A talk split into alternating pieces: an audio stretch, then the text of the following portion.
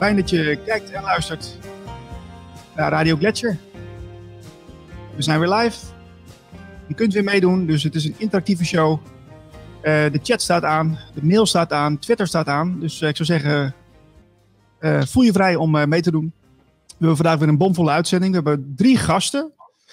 En die gaan ons iets vertellen over IBO-onderwijs.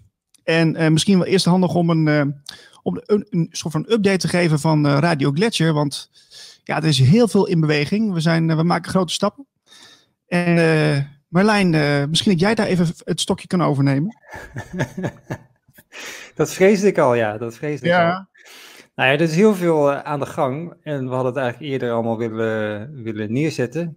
Maar het is heel erg ja, wachten op dingen, dingen aanvragen, dingen dit en testen. En uh, ja, we, we, zitten nu een beetje in de wachtmodus totdat alles uh, een beetje goedgekeurd is en, uh, en alles.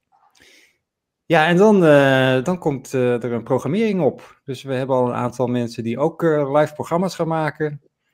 En ja, dus nog, e nog even geduld. Het gaat, het gaat denk ik een paar weken nog duren, maar niet, niet langer dan dat. Nee, we hebben het, we hebben het zover uh, uh, weten te schoppen dat we een, een, stream hebben die goed doet. En we zijn bezig met de licentie voor de Puma Stemra, zodat er ook muziek gedraaid kan worden. Dus dat zijn hele mooie ontwikkelingen. Zeker kunnen we daar meer over zeggen. Maar het is heel positief. We zien dat heel veel mensen naar ons toe komen. En dat, er, ja, dat we steeds meer, mooiere stappen maken naar hoger bewustzijn, diepere radio. Dat is uiteindelijk waar we naartoe willen. En uh, dat staat ook centraal vandaag, want we hebben uh, drie hele interessante gasten die ons iets gaan vertellen over IBO-onderwijs. En um, ik zie hier eh, van links naar rechts uh, zie ik Gentiel zitten. Um, en Jean en Jenny, klopt dat? Helemaal goed. Ja. Helemaal goed. Ja. Welkom in de show. Dank je. Uh, ja, we, we, kunnen natuurlijk uh, een hele lange voorstelronde doen. Misschien dat we even kort kunnen vertellen wie wie is en uh, wat jullie doen. Is dat een, een goed idee? Ja. even, als ik mag me voorstellen, mijn naam is Jean Freer. Ik ben de initiatiefnemer van meerdere mogelijkheden, zal ik het maar zeggen. En daaronder valt ook IBO en CVSO, dus IBO, CVSO en HAVE de thuis waar we nu in zitten. Dus dat valt allemaal onder die initiatieven. En uh, wij zijn met een grote groep vrijwilligers zijn we aan het werken voor scholen op te zetten en huizen op te zetten en et cetera. Dus wij hebben veel werk. Ja, dat geloof ik. En wie, ja. wie zit er uh, rechts van jou? Dat is uh, Chantil. Ik ben Chantil Boymans. En ik um, ben medeoprichter van de IBO's uh, en de IBO-gedachte in Nederland. En uh, nu ook uh, bestuurslid samen met Jean, de founders van CVSO, dat is ehm, Centrum voor Spirituele Ontwikkeling. En daaronder vallen alle Ik ben bewust onderwijsscholen in Nederland. Oké, oké. Okay.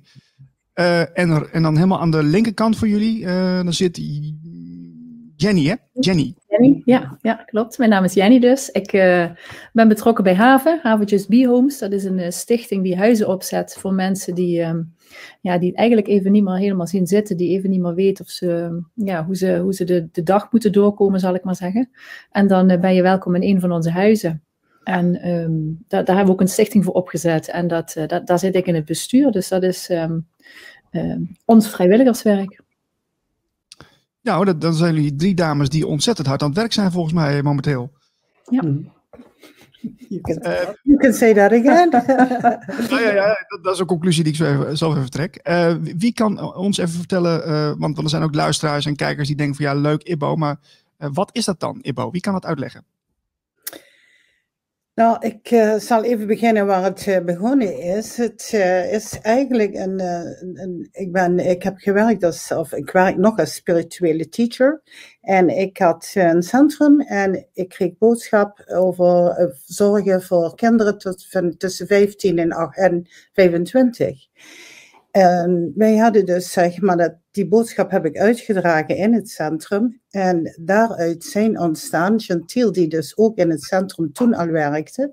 Dat was in 2000, heb ik het centrum opgezet.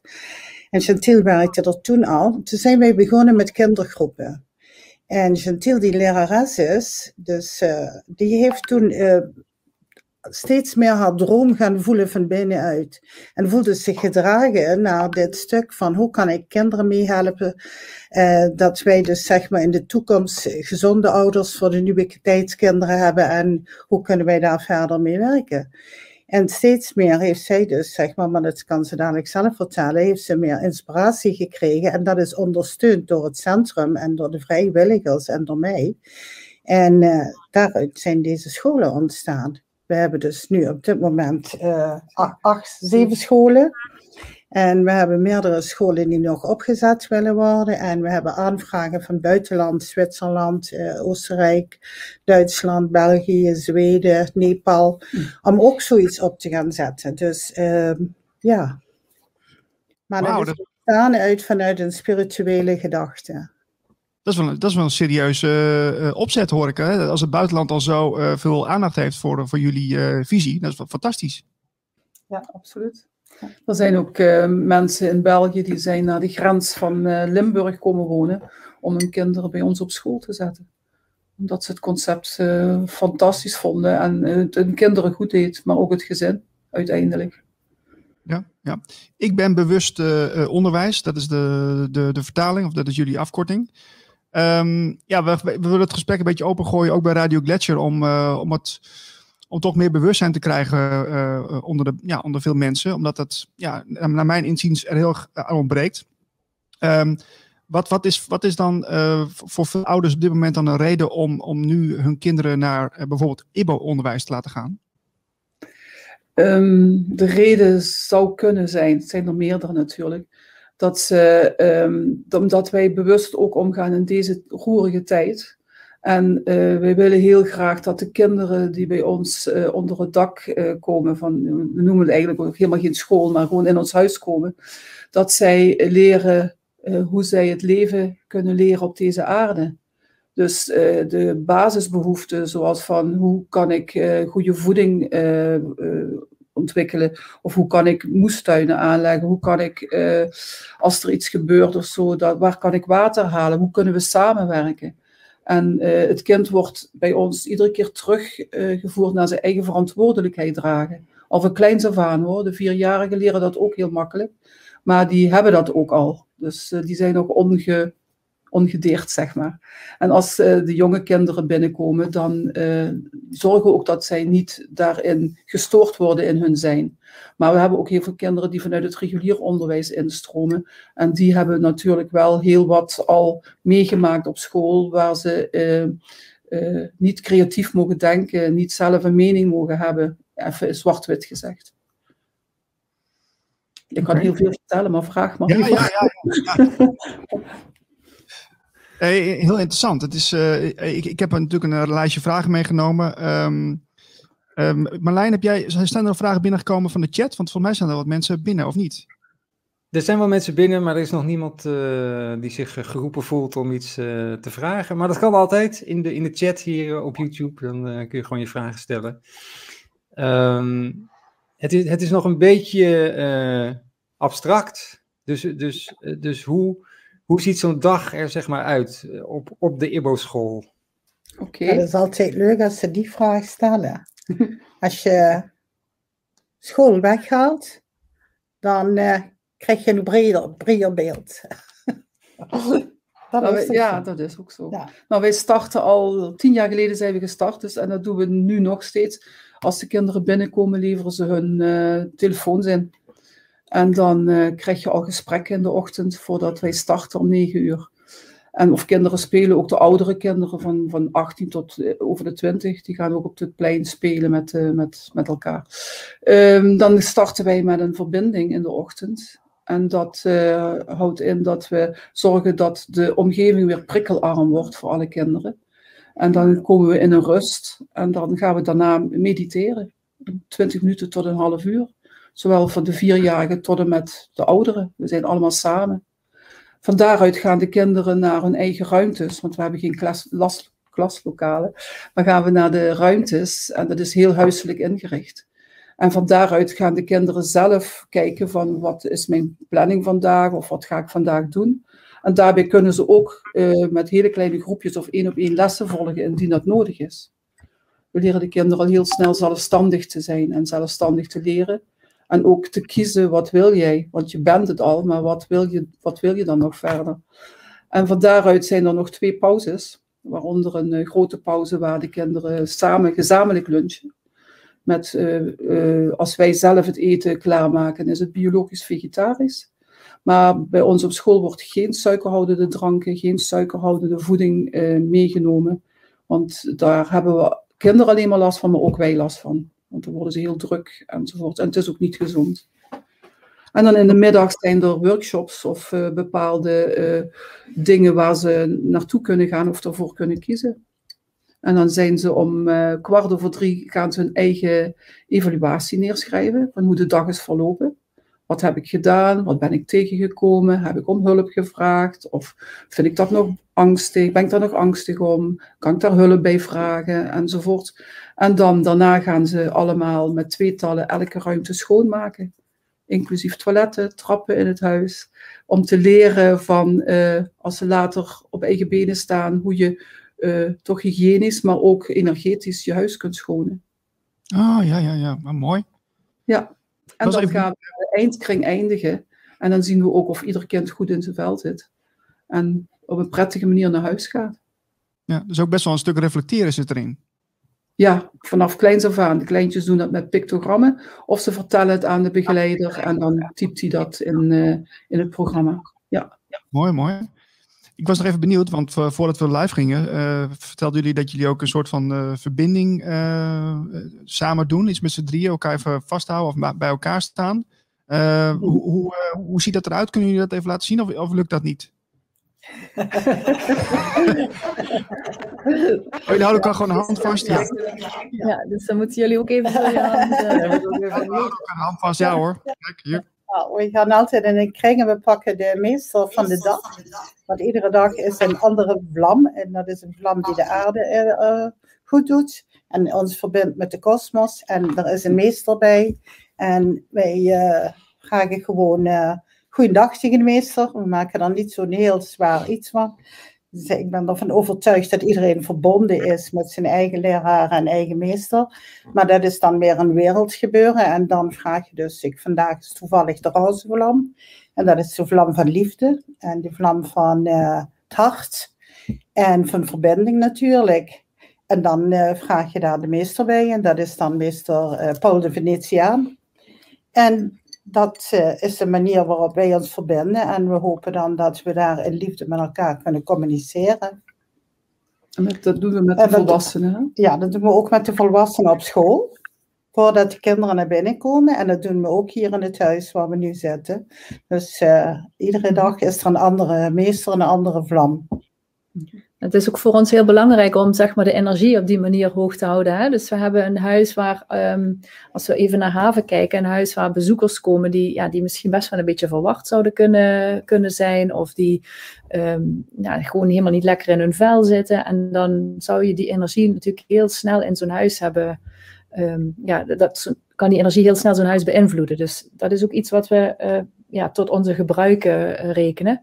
En daarnaast uh, hebben we bijvoorbeeld ook uh, altijd een flesje lavendelolie hier staan, dat we ons uh, even kunnen reinigen. En nou, dat, dat, zorgt dat iedereen die hier binnenkomt altijd meteen zegt van, oh, wat is het hier, ja, wat, wat, wat, is het hier fijn, wat, wat voelt het hier goed. Dat, um, dat, doen we trouwens met de kinderen ook. Dat is dus, zeg maar heel belangrijk is, dus als de begeleiders die van de dag, die komen en die beginnen eerst met het huis helemaal in orde te maken en dan verbinden ze zich, ja. Ze verbinden zich en ze, ze uh, altijd eerst met lavendel, zodat ze zelf schoon zijn en prikkelvrij. En dan dus, zeg maar, dan ga je dus uh, op die manier, communiceer je beter. De kinderen voelen dat heel goed.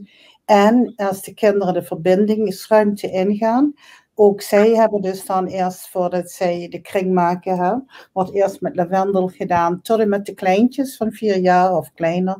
En die doen allemaal mee. Ja.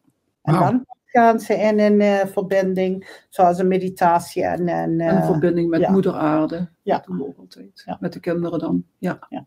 Mooi, mooi. We hebben meditatie, we hebben loopmeditatie, we hebben met begeleiding muziek. Of zoals we net zeiden met de vlammen, de oudere kinderen vinden het heel fijn om de uh, om zo'n vlam, dat is op YouTube staan, die filmpjes van de Seven Sacred Frames, uh, daar een dag van te pakken. En dan vinden ze fijn om daarop te mediteren. Dus ja, heel veel mogelijkheden. En er is, ik zie heel vaak het woord prikkels en ontprikkelen en, en hm. kinderen weghouden bij prikkels. Wat, wat, wat, is, wat is er met prikkels aan de hand? Nou, als een kind van thuis uitkomt, meestal is vader en moeder zijn al een beetje, zeg maar, moeten snel werken. Kinderen moeten naar school, eh, vader en moeder moeten misschien werken of hebben afspraken. Dat kan al een drukte zijn die van kind al, eh, vooral voor de hooggevoelige kinderen, die toch, zeg maar, uh, hoofdzakelijk op dit moment er zijn op de wereld, die hebben er last van. En die kunnen dus, dan komen ze in het verkeer en dan komen ze dus misschien trein of bus of uh, in de auto en dikke, uh, ja, harde muziek opstaan en noem maar op. Dan komen ze al overprikkeld naar binnen. En eigenlijk heb je dan al kinderen die dus dan uh, ja, bijna niet meer geconcentreerd kunnen zijn. Dus om hun terug te brengen naar zichzelf, weg van de prikkels die er waren, is het dus uh, belangrijk dat wij zorgen dat het huis uh, ja, in orde mhm. is. Kinderen zeggen ook als ze binnenkomen, oh ik ben thuis, zo van, ja. Oh, het is hier lekker rustig. Ja. En ze vinden het ook wel lekker wandelen. Pardon? Ja. Nee, dat is heel belangrijk wat je, wat je net zegt, volgens mij. Want uh, de, dat, dat school een, een veilige haven moet zijn, dat, dat, dat zie je natuurlijk nu in de samenleving wel een beetje veranderen. Uh, dat wordt door ouders aangegeven, maar uh, door kinderen zelf ook. Um, dus, dus dat wel mooi dat jullie daar zulke mooie oplossingen voor hebben. Of in ieder geval dat jullie die setting willen creëren. Dat het ook veilig is. En dat, dat, dat kinderen dat mogen voelen. Dat is essentieel. Ja, absoluut. Ja. jullie hadden het over, over nieuwe tijdskinderen. Hè? Dat vind ik ook wel interessant. want ja, zijn alle kinderen volgens jullie nieuwe tijdskinderen? Of, of is, is dat, ga je daar op een bepaalde manier mee om? Dat je dat vindt, nou, dat is een nieuw tijdskind en dat niet. Kun je daar iets meer over vertellen? Ja, in 1976 zijn, is de eerste keer ontdekt dat er indigo-kinderen waren hier op de aarde. Dat die met grote groepen naar binnen kwamen.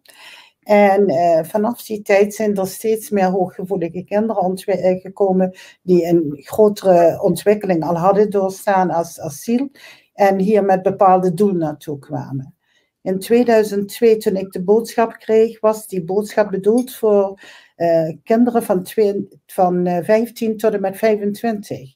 En de bedoeling was om hun dus, zeg maar, uit de psychiatrie te houden. Want in de psychiatrie kregen ze dus, eh, dan, veel kinderen gingen dan in psychoses of wat dan ook. En dat was toen heel erg in die tijd. En dat was dus, dan gaan ze in de psychiatrie en dan krijgen ze tabletten om rustig te worden. En krijgen stempeltjes ADHD, et cetera. En uh, ze krijgen vaak uh, spuitjes of elektroshocks als het nog verder gaat. En uh, de goddelijke wereld gaf aan, of het universum, hoe je het wil noemen, die gaf aan van hou deze kinderen, probeer die uit deze situaties te houden, want ze hebben een opdracht naar de toekomst. En pas geleden is dus de boodschap doorgekomen, is dus dat die, die kinderen van toen nu de ouders zijn van de kinderen die op dit moment geboren worden, die met een heel hoog bewustzijn komen. En die zijn van 2018 tot en met 2023 dalen die in. En ik noem ze de kristalregenboogkinderen. En dat betekent dat ze alle kleuren bij zich hebben en dat nog eens verder uitgediept hebben. Dus we, uh, ja, geen wonder dat we toen die ouders zoveel mogelijk moesten begeleiden. Maar dat wisten we toen niet. Wij hebben toen alleen maar uit liefde voor de kinderen en zo gevoeld. Mm dat, dat er scholen moesten komen, dat ze dus zeg maar meer zichzelf mochten zijn. En meer eigen verantwoording mochten nemen. En uh, ja, niet zo bang hoefden te zijn voor de maatschappij. Nee, maar is dat, is dat dan, komt het dan voor dat kinderen zeggen, nou ik ben bang voor de maatschappij? Ja, er zijn zeker nog wel kinderen die, ehm, die wel angsten nog hebben. Ook eh, als ik dan de maatschappij bezie vanuit het EBO voor deze kinderen, dan is het bijvoorbeeld, uh, ga, ik naar, ga examens doen, ga ik dus naar staatsexamens toe, is toch nog wel een stuk wat spanningen met zich meebrengt. Er zijn ook kinderen die uh, eigenlijk totaal niet een diploma willen halen, maar zich wel kunnen verder ontwikkelen uh, tot ze 18 jaar zijn en dan zelf een eigen bedrijf gaan opzetten of zo. Die hebben we ook gehad.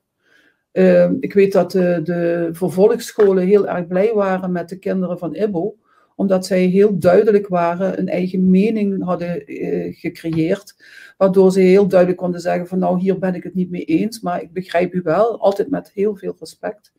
En uh, ja, dat was wel fijn om dat te horen. Maar de kinderen leren wel um, voornamelijk ook de creatieve geest aan te boren bij ons op IBBO. Dus het, uh, het intellectuele, dus het kennisgedeelte, dat gaat vanzelf als het creatieve gedeelte over, overwicht krijgt. Want dan ga je ook creatief denken, ga je ook kijken en creatieve oplossingen bedenken. En zo doen we dat ook naar een examen toe. Er zijn ook heel veel kinderen die echt naar het examen toe willen. Niet dat het van vader of moeder moet, maar dat ze het ook echt vanuit hun intrinsieke motivatie uh, gaan leren. En dan hebben ze, ik zal maar zeggen, als ze een HAVO doen, wat je normaal een vak vijf jaar over leert, kunnen ze in één jaar een examen doen. Op één jaar tijd hebben zij die hele stof tot zich genomen.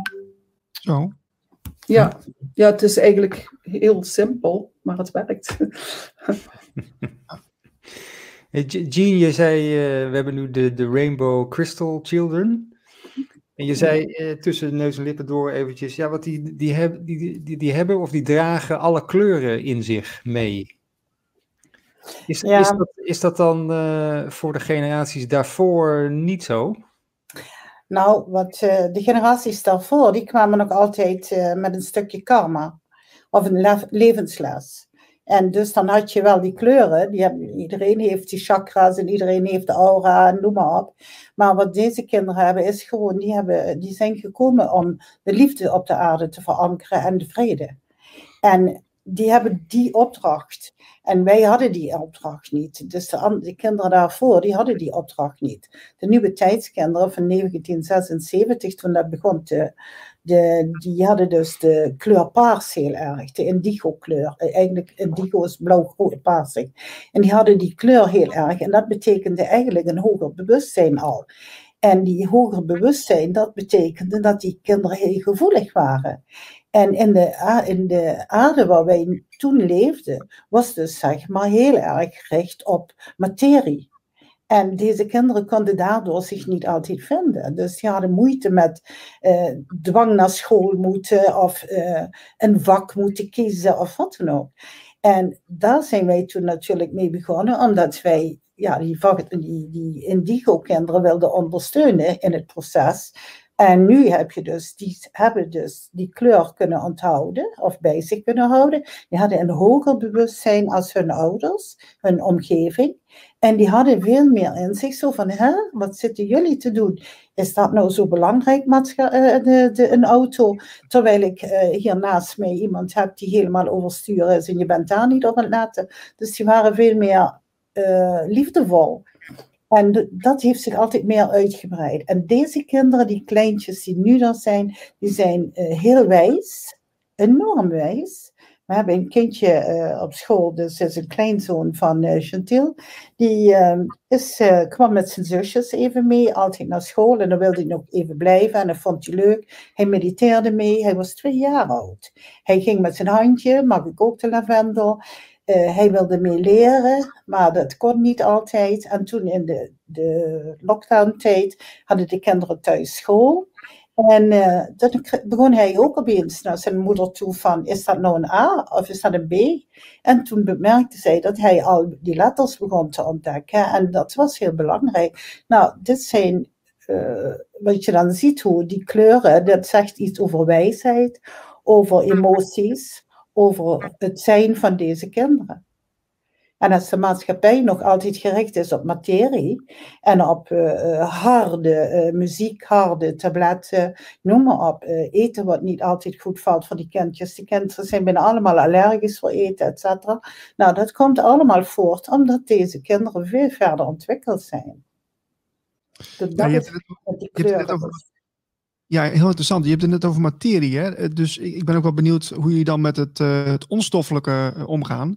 Uh, krijgen kinderen daar bepaalde kennis van? Of gaan jullie bepaalde oefeningen doen samen? Je hebt, mediteren heb je net al genoemd, maar zijn er nog meer voorbeelden van? Nee, wij, wij uh, gaan niet per se op die uh, ontwikkeling. En het is wel zo dus dat kinderen de, door de veiligheid die er gecreëerd wordt. En daar is Chantil altijd heel erg goed in. Dus zij, zij ziet ook dat een kindje uh, meer gaves geven of wat dan ook. En dan laat ze natuurlijk op. Alle kinderen hebben die gaves. Maar uh, als een kindje daar last van heeft, het heeft natuurlijk altijd ook haar begeleiders een, een stuk aangeleerd. Zo van, uh, let daar goed op hoe die kinderen daarmee omgaan. Dus je ziet dat een kind nou, kan heel nerveus zijn, omdat het gevoeld heeft dat op aarde van alles gaat gebeuren. Of het heeft dromen gehad en is een beetje overstuur of wat dan ook. Ja, we hebben eentje, een ander kindje zit in bad en begint over mijn overleden broer te vertellen, terwijl ze niet weet wie, wie dat is. En ze weet ook helemaal niet dat ik een overleden broer heb. En, en zo'n dingen dus. Dat wordt wel een, hmm. wij, wij als begeleiders en ook de ouders zijn toch iets alert Ja, het is ook zo, het is ook nog sterker. De kinderen zien gewoon aan de begeleiders wie, uh, welk bewustzijn of je bij je draagt. Dus zij weten precies waar ze naartoe gaan, dat voelen ze. Van hier kan ik over praten. En dat, dan kiezen ze zelf hun mensen uit. En dan wordt er ook over gepraat. Soms ook in, in de groep dat er over gepraat wordt. Dat een kleintje plotseling vertelt dat, uh, dat hij een geest over de weilanden heeft zien zweven. Met alleen maar arm en benen en een hoofd. En dat heel eng vond. En dan zie je de oudere kinderen die dat, die, die, um, die fase voorbij zijn zo van 18, 19 jaar, die zeggen dan, oh, maar dat herken ik, dat heb ik ook gehad toen ik klein was, zag ik dat ook. En niemand zei van, nee, dat is, uh, dat is normaal, maar er werd, er werd allemaal heel raar over gedaan. En dan zie je gewoon dat er bevestiging voor ieder kind komt. Maar we gaan niet specifiek uh, daar uh, oefeningen of zo doen. We hebben wel oefeningen voor de kinderen als ze zich niet prettig voelen, dat we een aantal oefeningen aanbieden. Maar ook daar weer, ieder kind is uniek. Dus ieder kind kan zijn oefening zelf uitzoeken of heeft zelf een methode om uh, weer zich prettig te voelen. Ja. Oké, ik, ik, uh, ik heb even een beetje research gedaan op jullie website. Even gekeken van wat, wat is jullie visie nou precies. Uh, een van de dingen die ik gevonden had was dat het mens zijn centraal staat. Um, ja, ik ben even benieuwd wat, hoe, hoe Jenny uh, daarnaar kijkt. Wat, wat, is het mens zijn bij jullie, uh, Jenny? Um, het mens zijn is vooral bedoeld om mensen te laten zijn. Hè. Dat zit natuurlijk ook in de naam van onze, van onze huizen, Just Be Homes. En dat betekent dat wij, uh, dat al onze vrijwilligers hier um, er niet op gericht zijn om mensen adviezen te geven of om te oordelen. Dus uh, mensen die hier naartoe komen, die mogen hier gewoon zijn wie ze zijn. En um, uh, daar wordt dus helemaal niet gezegd, daar wordt dus helemaal niks van hun verwacht. Ze hoeven niks, ze moeten niks. Ze mogen hier um, meedoen met een kopje koffie drinken. Ze mogen in een hoekje een boek gaan lezen. Dus het is puur erop gericht om um, ja, te zijn, punt. Ja, nou, als, ik, als ik het zo een beetje hoor hoe jullie dat zo vertellen, dat, het, uh, jullie trekken uh, het, het, idee van een school wat breder. Hè? Het, is, uh, het is ook meer een soort van een, een, veilige plek, een veilige haven waar je mag zijn wie je bent. Plus ja. natuurlijk educatie en oefeningen, ervaringen. Dus het is eigenlijk een soort van ja, verbreding die je aanbiedt. een verruiming van bewustzijn en van hoe het ook kan. Ja. Het zijn... Ik denk, eh, als wij hebben wel bij de kinderen, is het heel erg belangrijk, en dat is wat nu eigenlijk op de aarde heel belangrijk is, is dat we niet meer oordelen. Eh, de andere is zoals hij is. En doordat wij op de school, daar wordt er over gesproken. Als daar eh, kinderen elkaar eh, willen pesten, wat ze op andere scholen hebben meegemaakt, of als ze we zien dat ze eh, gekwetst worden doordat een kind gewoon iets roept of zoiets, dan, dan praten we daarover. Dus wij laten duidelijk merken, zo van we laten niet toe dat er gepest wordt. We leggen uit waarom dat niet, waarom dat niet goed is, of waarom dat voor de ziel niet, niet verder draagt. En wij zijn daar dus zeg maar heel alert op. Zodat de maatschappij in de toekomst kinderen krijgt die wel open spreken, maar weten hoe ze kunnen spreken en niet een ander kwetsen. En daarmee kun je dus kinderen, dus daar ontwikkel je kinderen mee, zoals we al zeiden, die dan hun eigen bedrijven opzetten, of die dus heel goed weten welke, welke richting ze uit willen gaan. Maar ze hoeven een ander niet te kwetsen. En dat is, is, just is, be. Ja, precies. Is, is het ook uh, zo dat um, wanneer je meer, meer mediteert en meer uh, um, jezelf openstelt voor, voor, voor ja, um, ja, bewustzijnsgroei, dat je daardoor uh, dat kinderen daardoor ook minder geneigd zijn om elkaar te pesten? Klopt dat ook? Ja. Ik denk dat je als je in uh, India bent of zoiets, waar dat heel normaal is in de wereld en men in, in de, die manier leeft, is dat iets makkelijker als in Nederland. In Nederland hebben we nog zeg maar onze drukte, et cetera. Dus uh, het is wel zo dat we de kinderen die meditaties meegeven, zodat ze zelf kunnen dadelijk in de toekomst kunnen kiezen van dit doet me goed en daar kan ik wat mee. Dus als ik heel druk ben of ik ben heel bang of ik uh, sta voor een uitdaging of wat dan ook, dan kan ik via deze weg kan ik mezelf makkelijker terugvinden. En dat is ook waarom Gentiel en, en ik samen heel hard gewerkt hebben aan welke meditaties zijn goed voor de kinderen en waar kunnen alle kinderen aan meedoen. En ja, dat wordt hier in het huis ook heel erg gewaardeerd. Mm-hmm. Om te kijken van hoe kunnen we samen uh, naar onszelf kijken, want dat is het allerbelangrijkste. Dat je kijkt van wat sta ik te doen en, en uh, ja, hoe kan ik dus anderen ontvangen zonder oordeel. Wat we wel met de kinderen ook uh, samen beleven, dat zijn de universele wetten. Dus uh, noem maar eens een hele makkelijke, zoals oorzaak-gevolg. Kom je elke dag wel tegen. Het kan positief zijn, het kan negatief zijn. En wij leren de kinderen. Wat lief? Creatie. Creatie. En uh, wij leren de kinderen ook dat ze ook naar ons toe dit mogen zeggen: van goh, Jutil, uh, dat, dat klopt niet wat je gezegd hebt, want dit heb je gedaan en dat is de uitkomst. En dan daar staan wij ook voor open. Ik bedoel, we zijn allemaal mensen die leren en ervaringen mogen opdoen. Ja, ik kwam, ik een stukje tegen uh, bij jullie visie. Wil ik even iets van voorlezen. Uh, de visie komt tot uiting in dagelijkse activiteiten zoals meditatie, werken met universele wetten, waarden en educatie, creativiteit, respectvolle communicatie, omgang met planten en dieren, omgang met elkaar en de omgeving en eigen groei. Dan vraag ik me wel af, van, als, als daar heel erg de focus op ligt, of is het dan nog voor kinderen die opgroeien in deze maatschappij makkelijk om dan nog aansluiting te vinden in deze maatschappij? Mhm. Dat is juist de bedoeling. De mhm. kinderen is, het is de bedoeling dat de kinderen dus, uh, die komen gewoon met alles in aanraking. Hè? Want ze zijn maar een paar uurtjes per week op school en, en in die, daar krijgen ze mogelijkheden aangereikt om gewoon in dit leven, want het gaat om dit leven, om in dit leven hun hunzelf of zichzelf te kunnen uiten. En dat is dus, uh, normalerwijs krijg je op school, krijg je geleerd dat je eigenlijk zelf niet denkt. Dus wij, uh, je hebt al 1 en 1 is 2, et cetera, noem maar op. En dat is dus, wij gebruiken die creatieve geest en wij vragen dus van, uh, hoe zou jij dit oplossen als je hier dit ziet? Wat zou je daarmee kunnen doen, toch? Ja. En als je dan verder kijkt, dan zie je dus net wat het leuke is, is dus dat wij de complimenten kregen van de andere scholen, dus dat ze zeiden van, goeie gutte, wat, wat kregen we maar allemaal zo'n kinderen, die dus geleerd hebben om uh, op zichzelf te letten, om zich goed te uiten, om niet af te wijken. En die passen gewoon in deze aarde. Dat moet, want je leeft hier op aarde. Oké, dus, dus, dus doordat, doordat ze heel snel autonoom worden, daardoor uh, vinden ze makkelijker hun eigen weg, zeg je eigenlijk. Klopt. Ja. Hmm, interessant. Ja. ja ik, ik zit natuurlijk een beetje te denken in um, ja, de, de, maatschappij zoals die nou is vormgegeven, heel erg rationeel. Uh, dat, dan, dan is dat stuk waar, waar jullie de nadruk op leggen natuurlijk uh, ja, um, een andere ingang, zeg maar. Dus dan, ik probeer het een beetje te verenigen. Van mhm. hoe zou dat dan gaan? Want dat lijkt me best nog wel. Uh, er zijn wel twee werelden die dan bij elkaar komen, denk ik dan. Hè? Maar misschien zit ik wel helemaal mis. Nou, de ingang is misschien anders, maar de uitgang is hetzelfde. Want alle kinderen die doen gewoon het reguliere staatsexamen, zou ik maar zeggen, voor een HAVO-diploma of uh, hè, noem maar op. Dus um, uiteindelijk moeten ze wel hetzelfde resultaat bereiken als uh, kinderen die naar, ik zal maar zeggen, regulier onderwijs gaan. Ja, we moeten ook ons aan, de, aan het onderwijsregels houden. En dat is dat je mag streven naar de einddoelen. En uh, dat laat, kunnen we ook laten zien hoe het kind zich ontwikkelt. Alleen het kind, uh, elk kind bij ons mag in zijn eigen ontwikkeling vooruit gaan. Dus we hebben ook geen kinderen die allemaal op hetzelfde niveau zitten.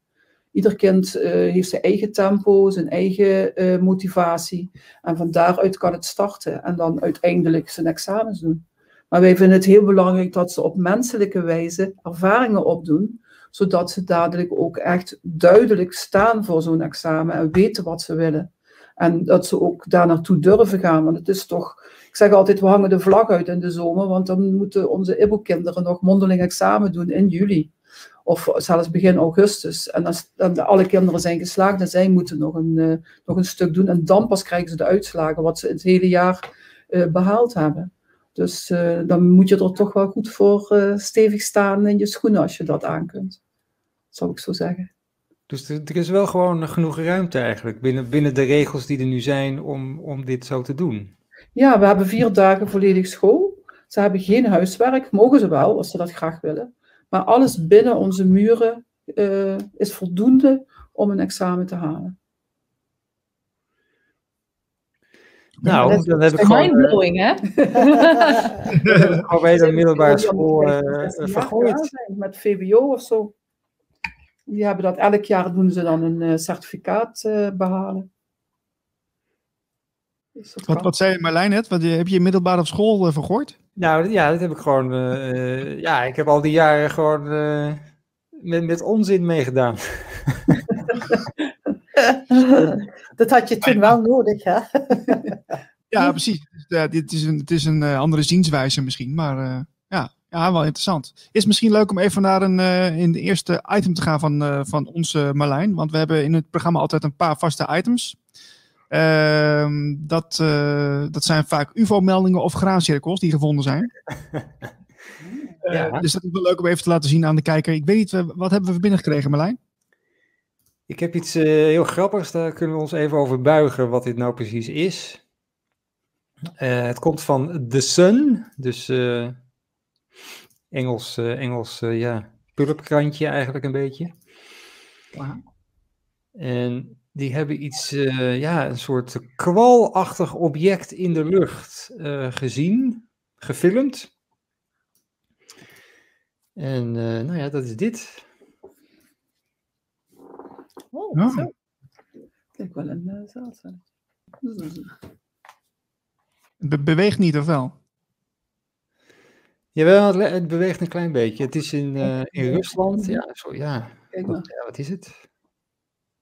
Jellyfish staat erbij. Ja. Ja. ja, het lijkt het ook op. Het lijkt ja. eigenlijk op een jellyfish. Je kunt er doorheen kijken. Maar je ziet het, uh, de manier waarop het naar beneden is gekomen. Mm -hmm. Ja. Ja, volgens de NOS was dit iemand uh, met een zaklamp die ergens op een dak stond. Dus uh, niet op beeld. Uiteraard. Er zijn er wel veel windjes om, hè? Wat hadden we er anders verwacht? ja. Ik ben wel heel benieuwd naar onze gasten. Uh, Gentiel, heb jij wel eens uh, zo'n uh, zo'n zo'n fenomeen meegemaakt in de lucht? nou, nou, we hebben wel, hè, toen wij een keer op vakantie zijn geweest, toen reden we naar Marseille met z'n tweeën en we gingen zo'n zo'n berg af. En toen kregen we een, een, een in de lucht kregen we eigenlijk een soort tempels te zien. En uh, wij dachten van, uh, wat is dat? En we konden heel rustig kijken, want er was geen auto voor ons op de weg, terwijl het helemaal vol was voordat we dat zagen. En opeens was het heel rustig. Het was een vijfbaansweg, ja. naar, een vijfbaansweg naar Marseille en er was geen enkele auto voor ons. Ja. En ook niet aan de kant, het was ongelooflijk. En in de lucht was uh, een tempels en, en ja, bomen en, en alles. Ja. Het was ongelooflijk ja. Heel, heel bijzonder. Ja. Maar zijn het, is het dan een soort wolken? Uh, zijn, het, zijn het wolken dingen of hoe moet dat zien? Je zou, ik denk dat ze, heel veel mensen zouden denken aan een Fata Morgana. Ja. Maar uh, het was dus, zeg maar eigenlijk bijna een, een, een, dorpje wat je kon zien. Ja. En uh, dat is ook zoiets, is al eens in China, zijn daar beelden van, dat ze daar echt een hele ochtend zo'n beelden hebben gehad. En uh, wij hadden dat toen nog niet, dat wisten we nee. niet. Dat is daarna pas uh, dat wij dat zagen, dat in China ook zo'n dingen zijn geweest. Het is heel uh, opmerkelijk. Ja. ja. ja. Wat, wat, zou dat dan kunnen zijn volgens jou, Jean? nou, wij waren op weg. Wij, wij zijn grapjassen. Wij stappen gewoon in de jas, in de, in de auto. Tenminste, toen nog niet de lockdowns was. En wij zo twee keer of drie keer per jaar, dan wilden wij gewoon op reis. En dan, uh, nou, deze keer hadden we ons voorgenomen om naar Marseille te gaan en daar in de richting te gaan kijken, want er zou eventueel een chalet kunnen mogelijk staan van meester Paul de Venetiaan. Ja. En wij hadden zoiets van, nou, we weten wel bijna zeker dat er geen chalet is, maar wij gaan wel die richting uit. En uh, nou, op de weg dus naar meester uh, Paul de Venetiaan kwam dus zeg maar dit beeld voor. Maar de, het kasteel wat men vaak daarbij tekende, dat bestaat niet. Dus, maar het was zo leuk. Omdat je dus, we hoefden al helemaal niet meer naar Marseille, want we hadden al gehad wat we voorkwamen. En eigenlijk hadden we weer terug kunnen komen. Want dat gaf ons de vrijheid om overal in, ja, leuk te gaan wandelen of uh, een kopje koffie te drinken of wat dan ook. Dus we zijn met onze reis doorgegaan. Wauw. Het was, het was een verlangen. Ja. Gaaf zeg. Hoe, hoeveel kinderen hebben jullie eigenlijk nu op de, op de scholen in totaal? Is dat iets uh, we hebben gaan max tot 50 kinderen. Per school? Per school, ja. Zodat we uh, de, de visie kunnen bewaren in die zin dat iedereen iedereen kent en ook uh, dat er meer respect ontstaat tussen alle kinderen en begeleiders. Uh, bij ons op sch de school in Geleen, uh, Ebo Angeliet, dat is dan ook de moederschool noemen we die, die hebben op dit moment 40 kinderen. En we hebben uh, begin van het schooljaar 12 nieuwe kinderen ontvangen. Dat kan dan ook omdat we altijd met een schoolkamp beginnen. Waardoor iedereen in uit zijn comfortzone is. En dan gaat zo'n groep veel beter met elkaar om en worden ze ook opgetild. En op de andere scholen, we hebben uh, Galsedoon en Meppel, die um, zitten ook op een kleine 30 kinderen. Ja. Uh, we hebben Dolomiet in Nijmegen, want dat zijn dan nog de, de oudere scholen, zal ik maar zeggen. Uh, die zitten ook al op bijna 20 kinderen. En dan hebben we vier nieuwe scholen, zeg ik het goed? Ja, vier nieuwe scholen. Er is eentje gestart in Maastricht, Aldorit. Er is eentje gestart in Herkenbos, dat is, um, in, uh, dat is uh, Harlekenkwart. Ik zou even denken. Dan hebben we in Tintelen, dat is uh, Tinte, dat is in, bij Hellevoetsluis, dat is Beryl. En we hebben nog bij Alphen aan de Rijn, en dat is Fuxit. En die zijn met minimaal tien kinderen, hè?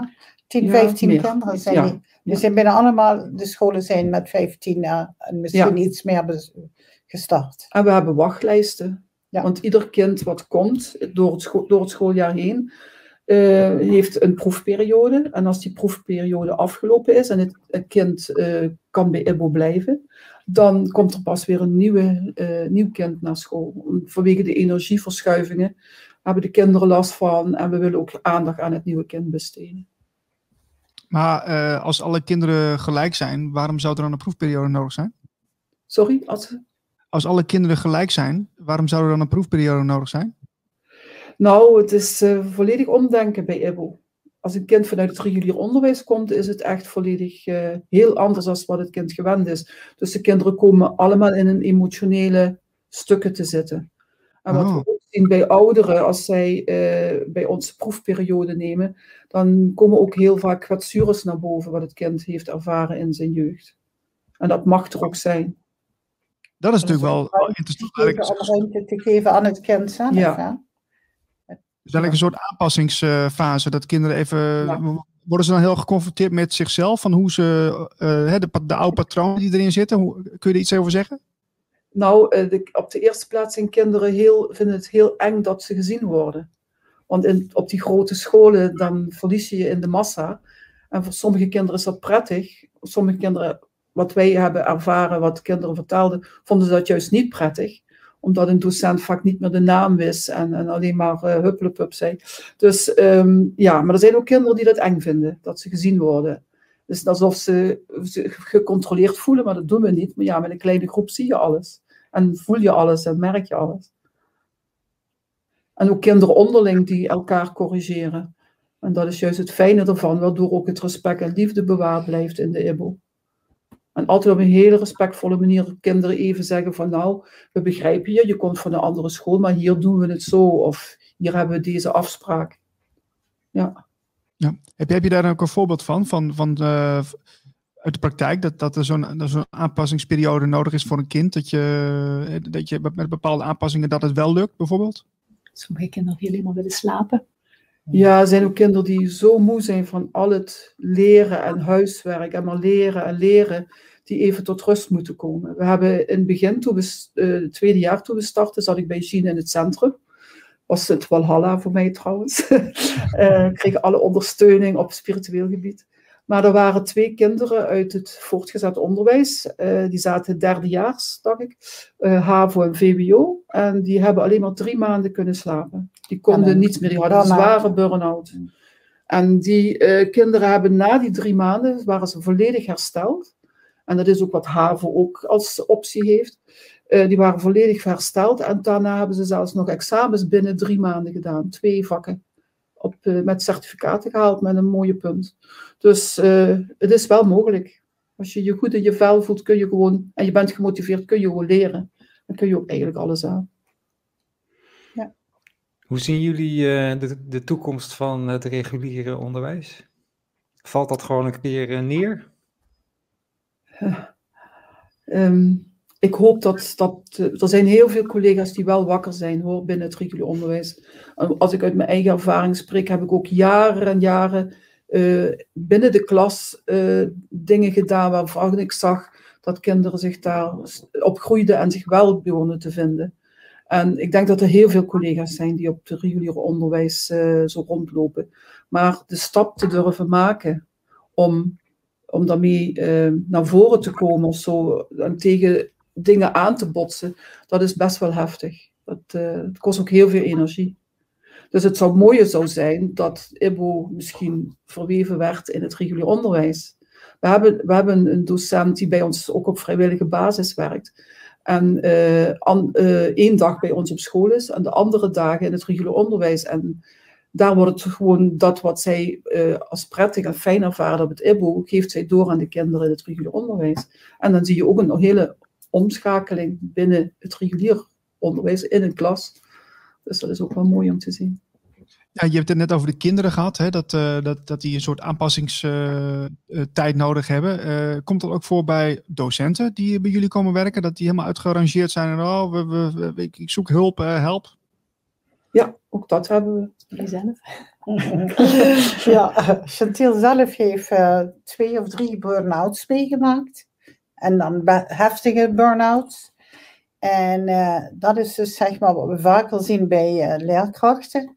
En in onze uh, ja, concept, zal ik het maar noemen, hebben we ook een stukje waarin we de leerkrachten ondersteunen. En we leren hun om uh, energie om te zetten. Dat als kinderen, uh, als de klas heel druk is en zij de energie bij zichzelf veranderen, dan verandert die energie in de klas.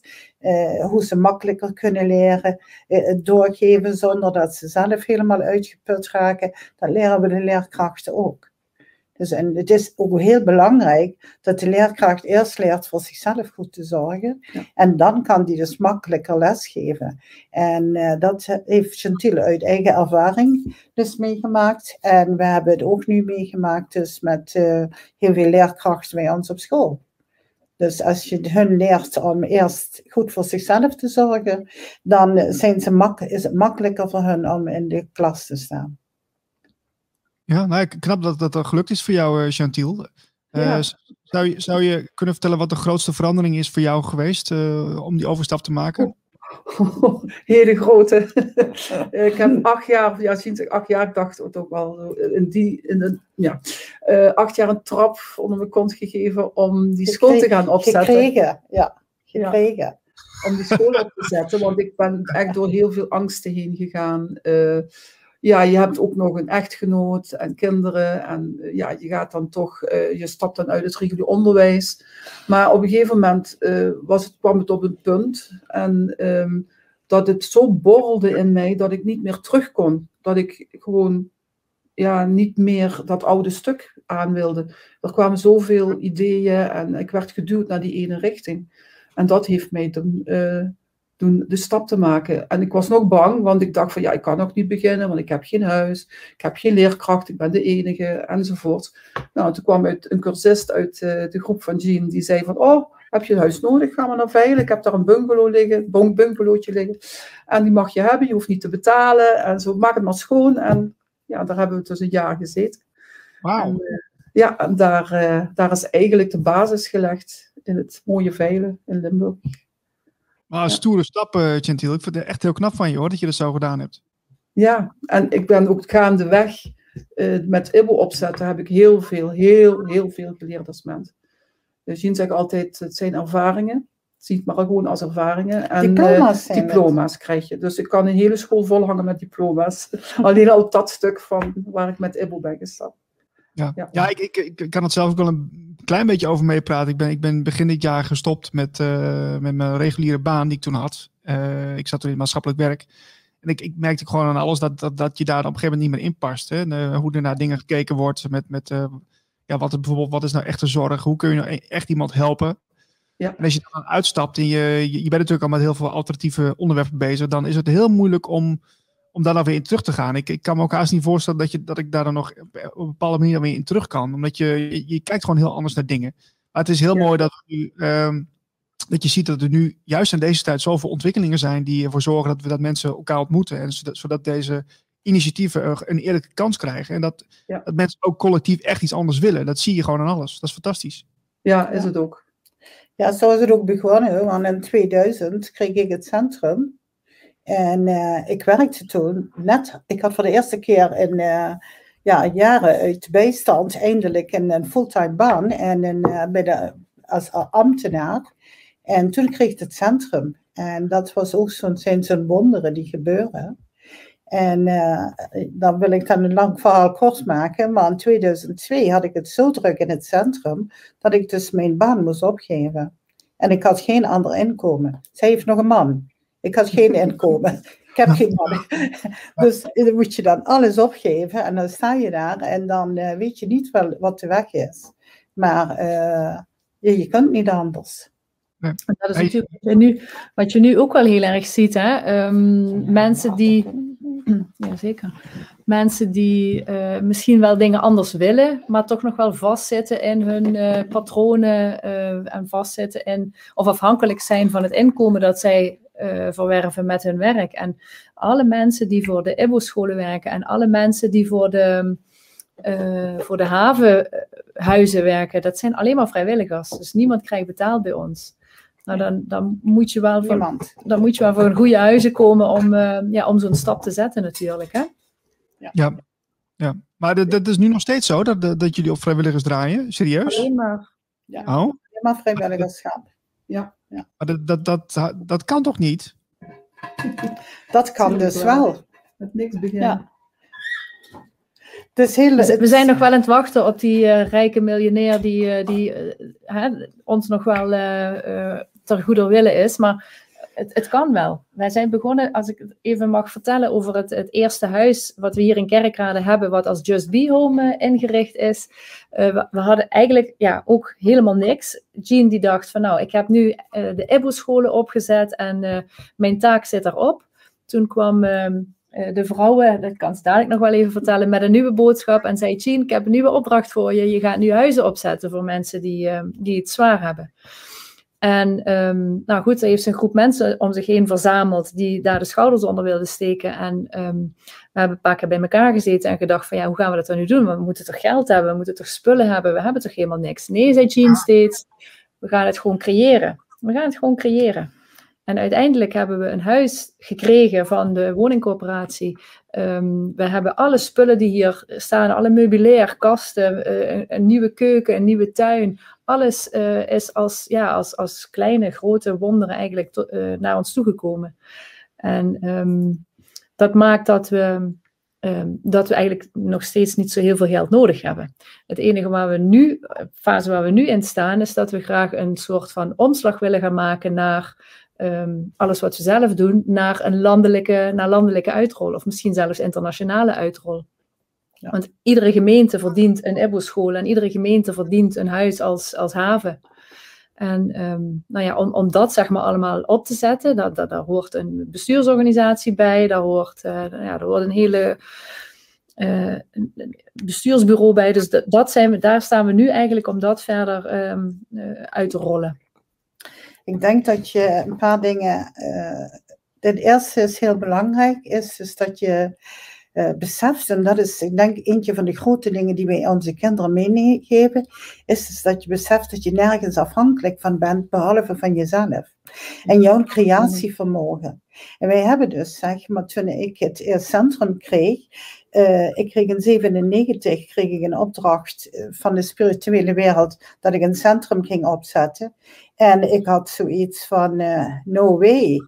Ik zit op een wereld uh, waar een vrije wil is. En ik ben, heb die meneer een grote knuffel gegeven en dankjewel gezegd. En ik ben naar buiten gegaan en heb eventjes met mijn vinger naar boven gewezen. En heb gezegd, ik ga dat absoluut niet doen. Als je dat maar weet, ik geef mijn baan niet op. En uh, ik kreeg dus, die meneer zei, je gaat dat in februari 1998 doen. En ik dacht, nee, dat doe ik dus niet. En in, 19, in januari 1998 zat ik op een spirituele avond. En uh, kwam iemand naar me toe, een broer van een collega, en die zei van Jean, kun jij mij leren hoe te magnetiseren? En ik dacht, ach ja, weet je, een paar mensen bij elkaar. Nou, ik zeg, als jij een paar mensen weet, dan doe ik dat wel, maar voor eentje doe ik dat niet. Nou, ik begon dus precies de laatste dag, januari 1998, in mijn woonkamer met 19 mensen. Nou, waar komen ze vandaan? Hoe zitten het in elkaar? En zo ging het maar door.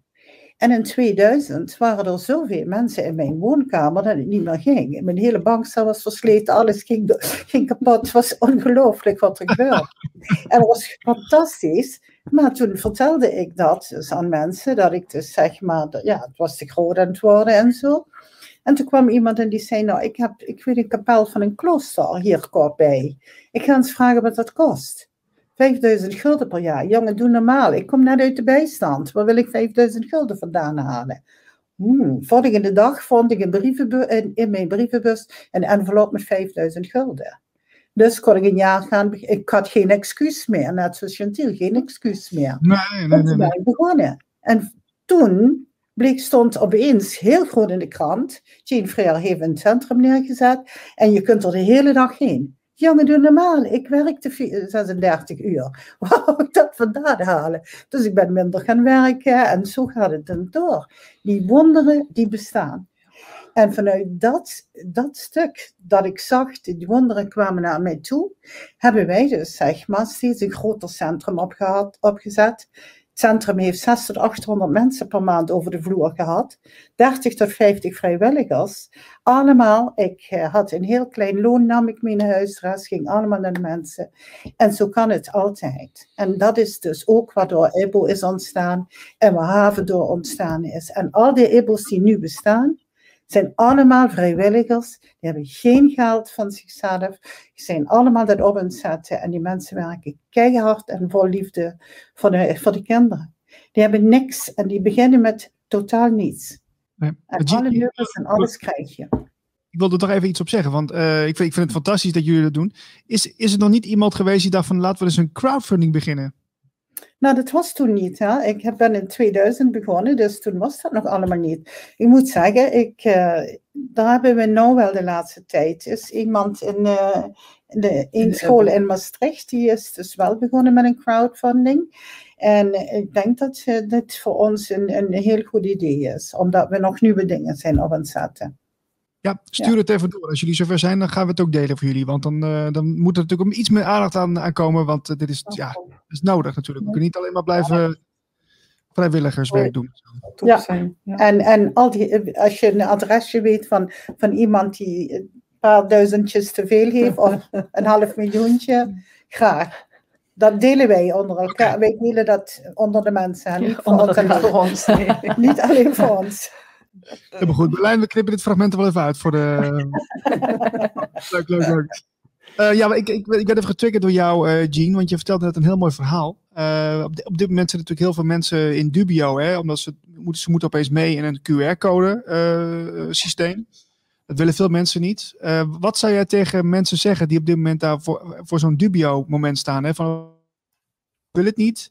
Hoe kun je daar met de spirituele wereld ja, iets mee doen, zodat, zodat, er, zodat het weer voor, je, voor jou gaat werken. Kun je er iets over zeggen? Ja, ik, uh, vorig jaar, toen uh, voor de uh, COVID kwam, had ik contact met mijn goddelijke wereld. En daarin werd gezegd dus dat er geen, geen bacterie en geen, hoe noem je dat nou, virus was. Het was geen bacterie, het was geen virus. Het was een gecreëerde uh, iets wat zou gaan ontstaan en het zou uitzien als een griep. Maar het was dus zeg maar vanuit een lab ontstaan, et cetera. Het is bedoeld als wapen en het is eigenlijk bedoeld om de mensen uit elkaar te halen. Zodat de grote meute verslapt en, en ja, ruzies onder elkaar krijgt, et cetera. Nou, geloof ik altijd dat alles op het einde altijd goed komt. En wij hebben natuurlijk lockdowns meegemaakt en alles en nog wat. En in die tijd vind ik dus, dat leer je steeds meer van jezelf kennen. Nu komt de QR-code en dat is dus zeg maar uh, iets opgelegd en het heeft een, groter, een grotere betekenis. Het is niet de QR-code die belangrijk is. Het is veel belangrijker dat men kan kijken hoe kunnen wij de mensen uit elkaar krijgen. Hoe kunnen we hun onzeker maken? Hoe kunnen we ze uh, uit, uit, uit liefde krijgen? Hoe kunnen we ze dus uit verbinding krijgen? Dus er is een veel groter proces gaande als dat die QR-code komt. Het erge is dat ze dat weer bij de horeca leggen. En dat komt omdat de horeca dus nu, als die op één lijn gingen liggen en wij, de mensen achter hen gingen staan, dan zou er dus niks kunnen. Want de regering, et cetera, kan niks als wij opstaan en zeggen: het gaat niet gebeuren. Wij zijn de meesters. Maar wat gebeurt er nu? We krijgen dus de angsten. En de mensen zeggen: ja, maar ik mag niet. Ik kan dit niet. Ik kan zus niet. Wie zegt dat ik dat niet kan? Niemand kan mij wat verbieden, want ik ben de meester. Alleen, ik kan dus zeg maar daar geen last van hebben. Dus wat nu gaande is, is heel belangrijk. Daarom ontstaan ook zoveel zoals jullie nu. Dit, dit zijn programma's die zo belangrijk zijn. En dat ontstaat omdat nu de tijd is. De tijd is om met elkaar in gesprek te gaan en te kijken hoe kunnen wij samenkomen zonder ons te laten behinderen. En als daar een QR-code is, oké, prima. En iemand wil eraan meedoen, jammer. Jammer, want die doet zichzelf tekort. Maar heeft niet in de gaten dat dit een spel is van de duistere krachten die heel erg iets anders op het programma hebben staan. Dus, en dat is dus jammer dat men wel daar niet voor open wil staan, want dan is het cons conspiracy. Ja, ja. Conspiracy. En mensen die Jean, mensen die nu in een soort dubio situatie zitten van ja, ik, uh, wel mijn inkomen is ervan afhankelijk en ik, uh, ja, ik heb die QR-code er wel nodig. Moet ik dat dan maar één keer doen? Of uh, wat, wat zou je dan adviseren? Het is altijd een stukje dat je moet zien, dus dat, uh, en dat moeten wij dus wel zien, doordat de QR-code komt, zijn de mensen heel erg onzeker geworden. En die onzekerheid, die komt voort omdat ze een keuze moeten maken. En de keuze kan zijn, ik ga nu staan en ik zeg dus dat die QR-code voor mij niet bestaat en ik ga er niet in mee. Of ik ga dus zeg maar in die angsten mee en, en, en ik probeer mezelf, want dat is wat ze denken. De QR-code geeft de, uh, iemand veiligheid. Als ik me daaraan houd, voel ik alsof ik veiligheid heb. Want ik voldoe aan wat er wordt gezegd. Maar ik heb niet in de gaten dat ik daarmee iets, iets doms aan doen ben voor de toekomst. Want er komt weer een lockdown daaruit. En dan komen weer protesten van de mensen, et cetera, et cetera. Daarom is het zo jammer dat we dus zeg maar niet samenkomen en dat samen kunnen oplossen. Want ik ben er eerlijk in, als je daar een horeca ziet die al zoveel heeft meegemaakt. En die heeft nu dus zeg maar, zou die weer een boete krijgen, kan ik me goed voorstellen dat die zeggen ik doe de deur dicht. Maar als wij als mensen achter hen zouden gaan staan en zouden zeggen, jij krijgt een boete, wij zitten allemaal hier, we geven allemaal dat geld bij elkaar, dan kun jij de boete betalen, maar blijf alsjeblieft doorgaan. Dan zou het dus voor die horeca-ondernemer, die willen eigenlijk open blijven. Ik heb met een paar gesproken die willen open blijven. Die willen ons ontvangen, niet omdat het geld alleen, maar ook voor de gezelligheid en voor het samenkomen. Maar wij als mensen moeten achter hen gaan staan. Dat, was, dat gebeurde gisteren hè? in uh, Utrecht bij uh, de Waku Waku. Wat ook ja. een veganistisch restaurant is volgens mij. Ja. Uh, daar gingen allemaal mensen naartoe. Ja, en toen zijn ze toch uiteindelijk, moesten ze dicht geloof ik. Maar... Ja. Nou, ze zijn er blijven zitten, begreep ik, totdat de eigenaren zelf konden sluiten om 12 uur. Ja. Ja, dat is mooi. Dat, dat, dat zijn initiatieven die, ehm, um, ja, die, die niet overal zou, zouden kunnen ontstaan. Maar dat zijn wel die initiatieven waar Jean het over heeft. Ja, en Amersfoort toch? Amersfoort, Amersfoort heeft ook de hele stad gezegd dat er geen QR-code komt. Als stad. Dat Zo. Heel knap. Okay. Ja. Het is, het is een uitdaging voor de mensen op dit moment. Ja. Maar de bedoeling daarachter is, erg, is, is veel erger als die QR-code. Wat vind jij van, uh, want dat hoor je ook uh, af en toe uit verschillende bronnen, dat nu uh, er is een soort stroomversnelling, dat, dat het licht en het donker eigenlijk allebei ehm, steeds sterker wordt. Dus er, er komt een soort, ja, je zou denken er komt een soort clash op een gegeven moment. Ja, het is een beetje paniekvoetbal, hè? Ja, ik vind uh, uh, wat er nu eigenlijk gaande is, is een, een, al een hele lange periode, is in uh, 2007, 2008 heb ik al gezien, dus dat er ja, een soort oorlogen waren tussen het duister en het licht. Het licht gaat altijd winnen, daar hoeven we niet bang voor te zijn, dus dat is, dat is gewoon de uitkomst. Alleen nu is dit op dit moment, omdat er, er is iets groots aan gebeuren wat er eigenlijk uh, gebeurd is, is dat uh, duistere krachten, die hebben onder, onder, onderling ruzie gekregen. En dat is een paar jaar geweest, een paar jaar geleden erg geweest. Die zijn uit elkaar gevallen. En die hebben toen gedacht dat ze nog even tijd hadden om weer te herstellen.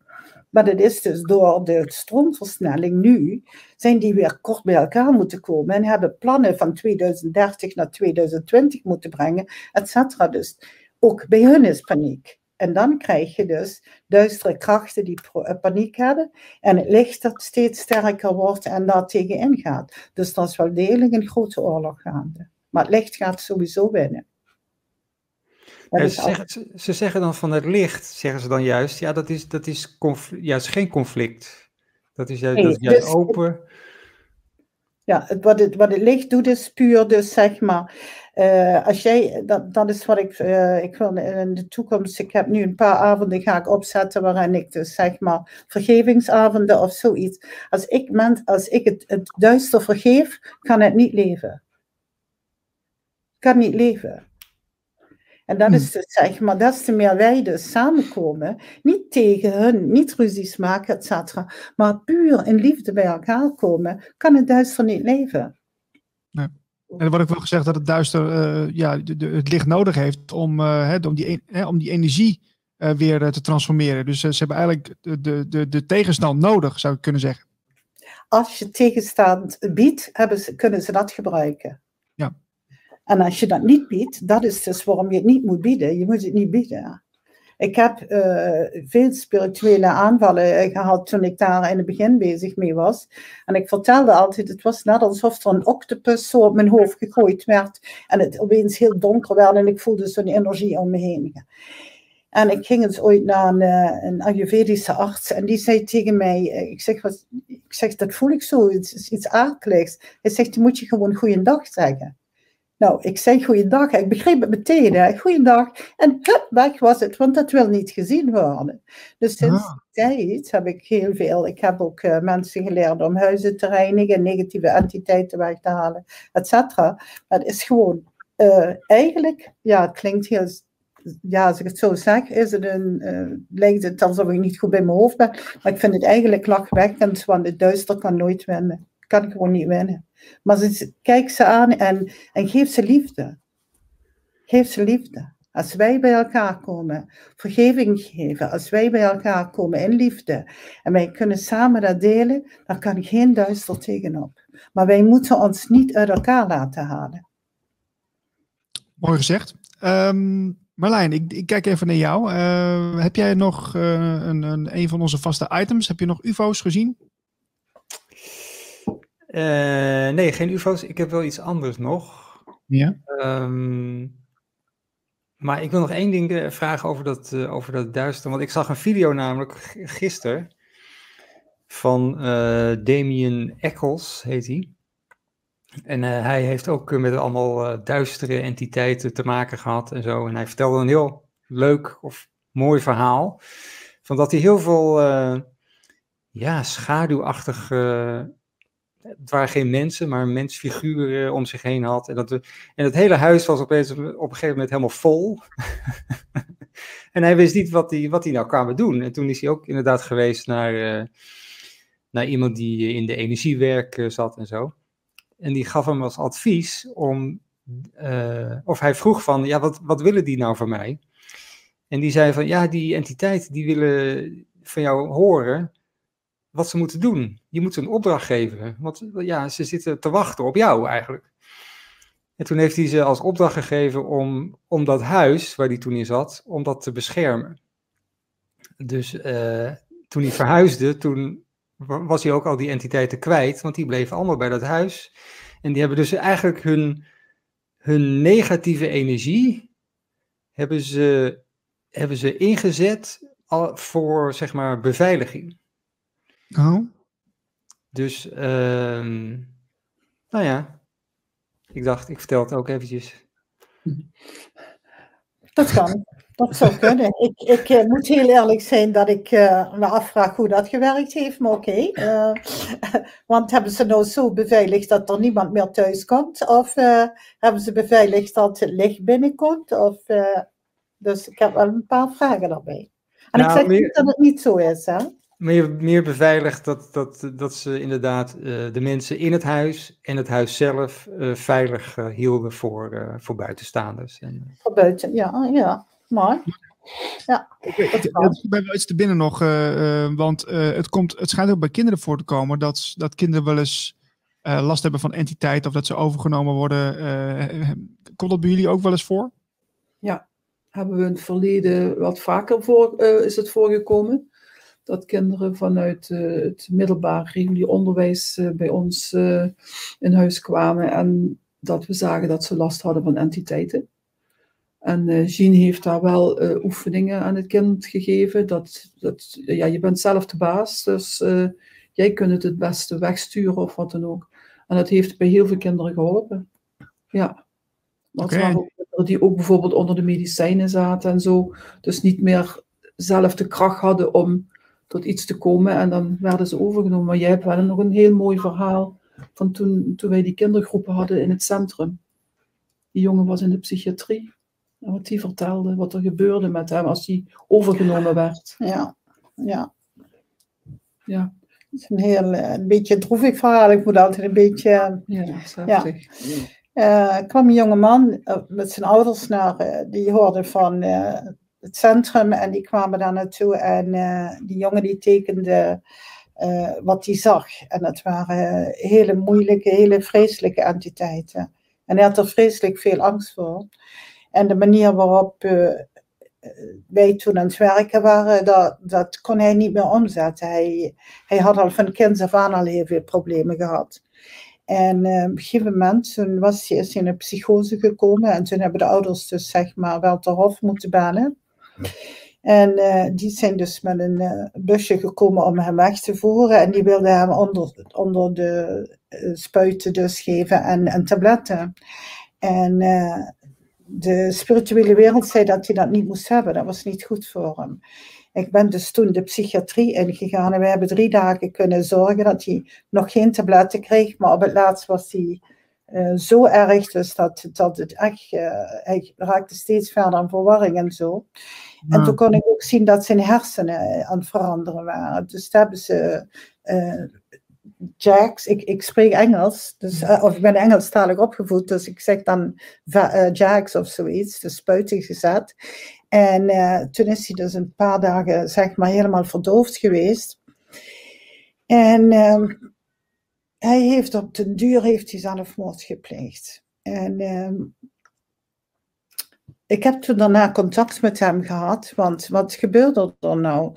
Zijn moeder die had gehoord dat er iemand was die via een foto entiteiten weg kon halen bij de kinderen.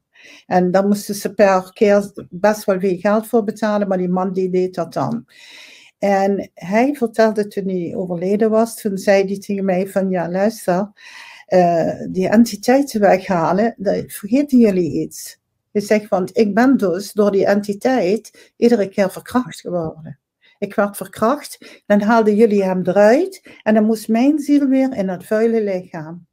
En mijn lichaam, ik wilde niet meer met die, mijn ziel, mijn, mijn hogere ontwikkeling, wilde ik niet in dat vuile lichaam. Dus jullie waren vergeten, ik niet, want ik, ik was dat niet aan het doen. Ik wist ook niet dat die moeder dat uh, aan het doen was. Maar die, die man die vergat dus eerst het lichaam van het kind schoon te maken, zodat de, de ziel weer in dat lichaam kon. En dat was dus nogal een uh, heftige ervaring. Maar hij heeft ons toen geleerd om het nog beter te doen. Mijn verbinding is heel slecht geworden. Ik, ik, ik heb er helemaal niks van meegekregen. Hoe is dat voor jou, Marlijn?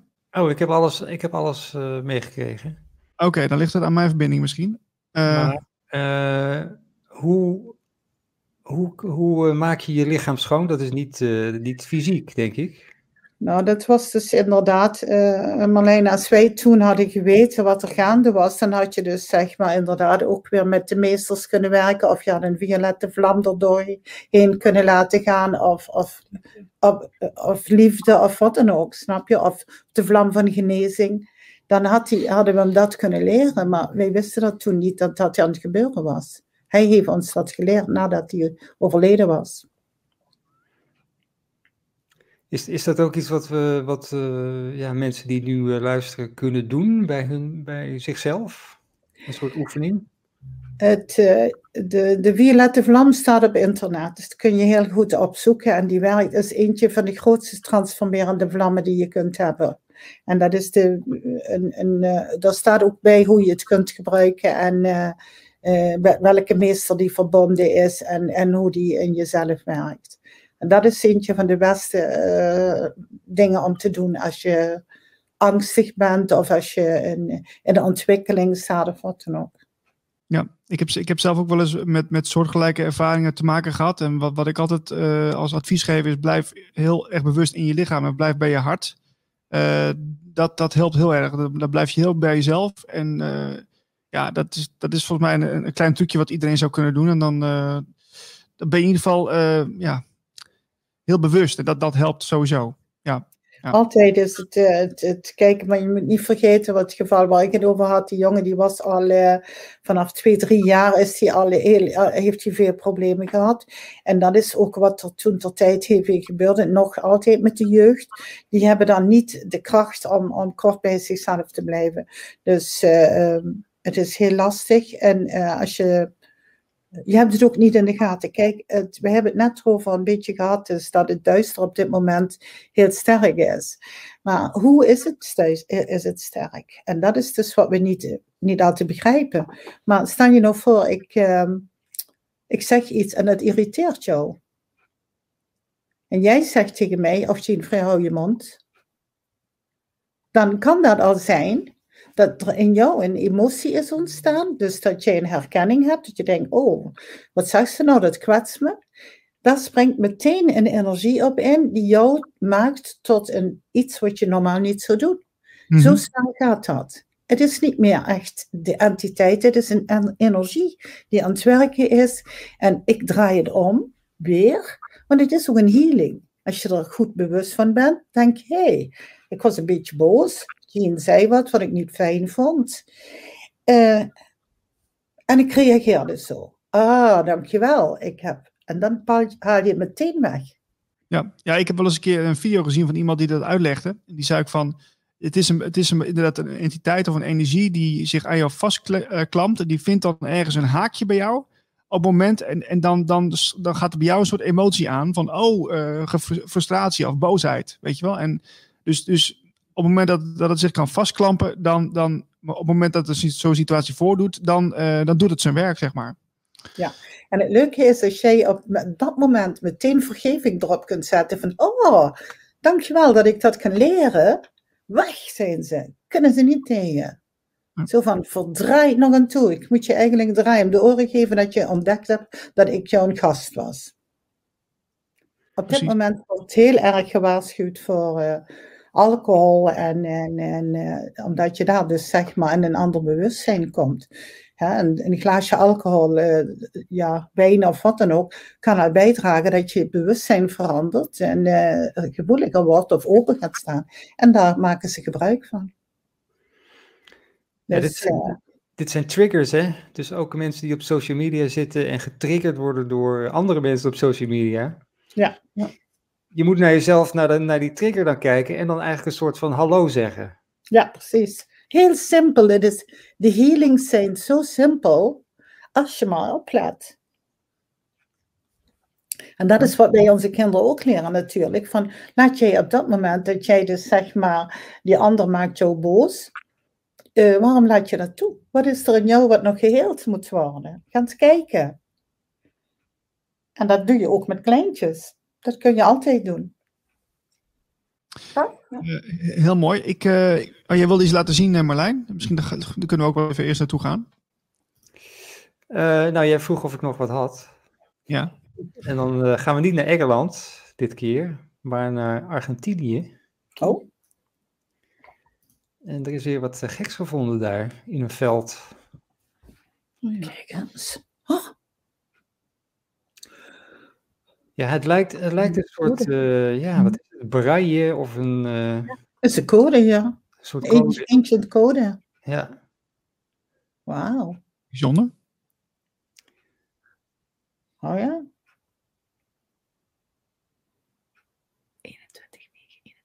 is passief. Dat, zie je met die graancirkels ook af en toe, dat er, uh, dat, ja, dat dit soort stukjes, onderdelen ook wel eens tussen zitten.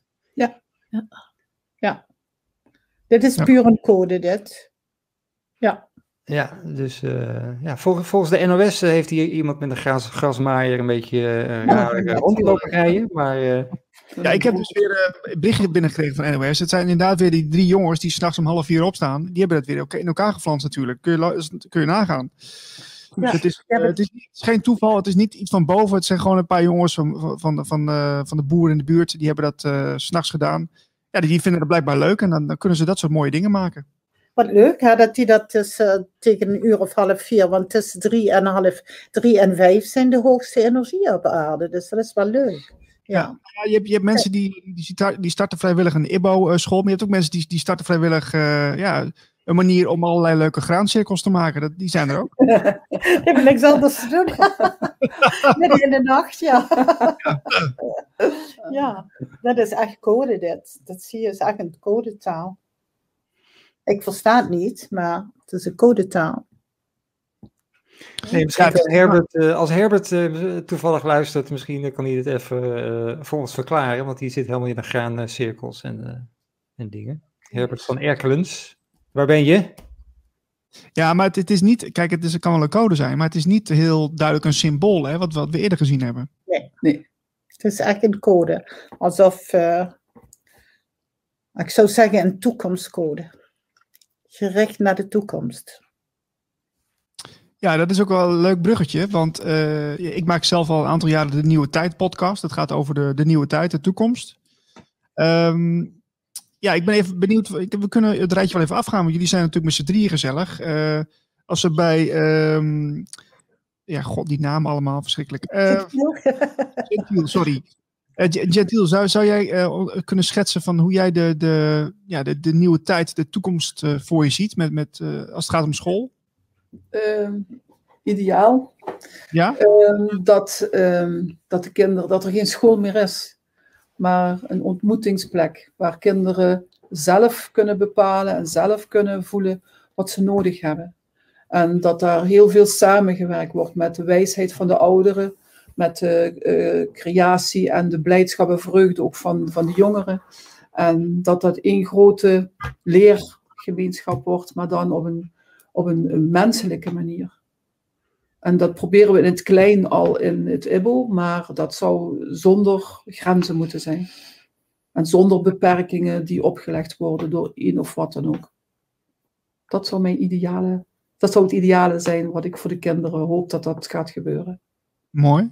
Ja. En, en Jean, wat is jouw visie daarop? Ja, ik, ik, uh, ik heb dus zeg maar uh, het gevoel dat we nu dingen af en sluiten zijn hier op aarde. Dus dat we uh, uh, onze zwaarte en onze moeilijkheden een stuk achter ons aan laten zijn. En de toekomst voor mij is een, een, een proces waarin we gaan leren om samen te werken en om één te zijn en gemeenschappen op te zetten en met elkaar en dienstbaar naar elkaar willen zijn. Dus ik, uh, ik heb daar wel een heel goed gevoel bij. En ik hoop, aangezien mijn leeftijd, hoop ik het nog een paar jaar mee te mogen maken. Mooi, mooi. Jenny, heb je nog iets toe te voegen? Ja, goed, daarom noemen we uh, al die initiatieven bij elkaar de Oneness Group. Hè? Dus het is uh, toch een soort van uh, ja, weg naar eenheid. Nou, ik denk dat dat nu de, de weg is die heel veel mensen aan het bewandelen zijn. En daar zijn er natuurlijk nog heel wat leerervaringen voor nodig. Maar dat, um, ja, ik hoop dat we dat op een fijne manier kunnen bereiken, zo snel mogelijk voor iedereen. Ja, ja. Mooi. Schoon me net even een vraag te binnen. Um, ja, want, want uh, komt het ook voor dat er mensen bij jullie, of kinderen op school komen, of, of ouders van, van, van de kinderen die gelovig zijn? Of, uh, of komt dat niet voor? Je bedoelt ehm, religieus? Ja. ja. Uh, zoals ik het nu kan inschatten, misschien één of twee. Maar niet dat ik. ze, ze kiezen wel bewust voor deze vorm van levenshouding, zeg maar. We hebben geen geloof in school. Nee, nee. En dat nee. wil niet zeggen dat we niet ook eens over dingen praten, wat, uh, over geloven en zo, maar het komt eigenlijk weinig naar voren, ja. ja. Oké. We hebben bij de, bij de huizen van Just Be Homes, daar hebben we in ons team van vrijwilligers ook mensen die um, misschien wel met een bepaalde religie bezig zijn.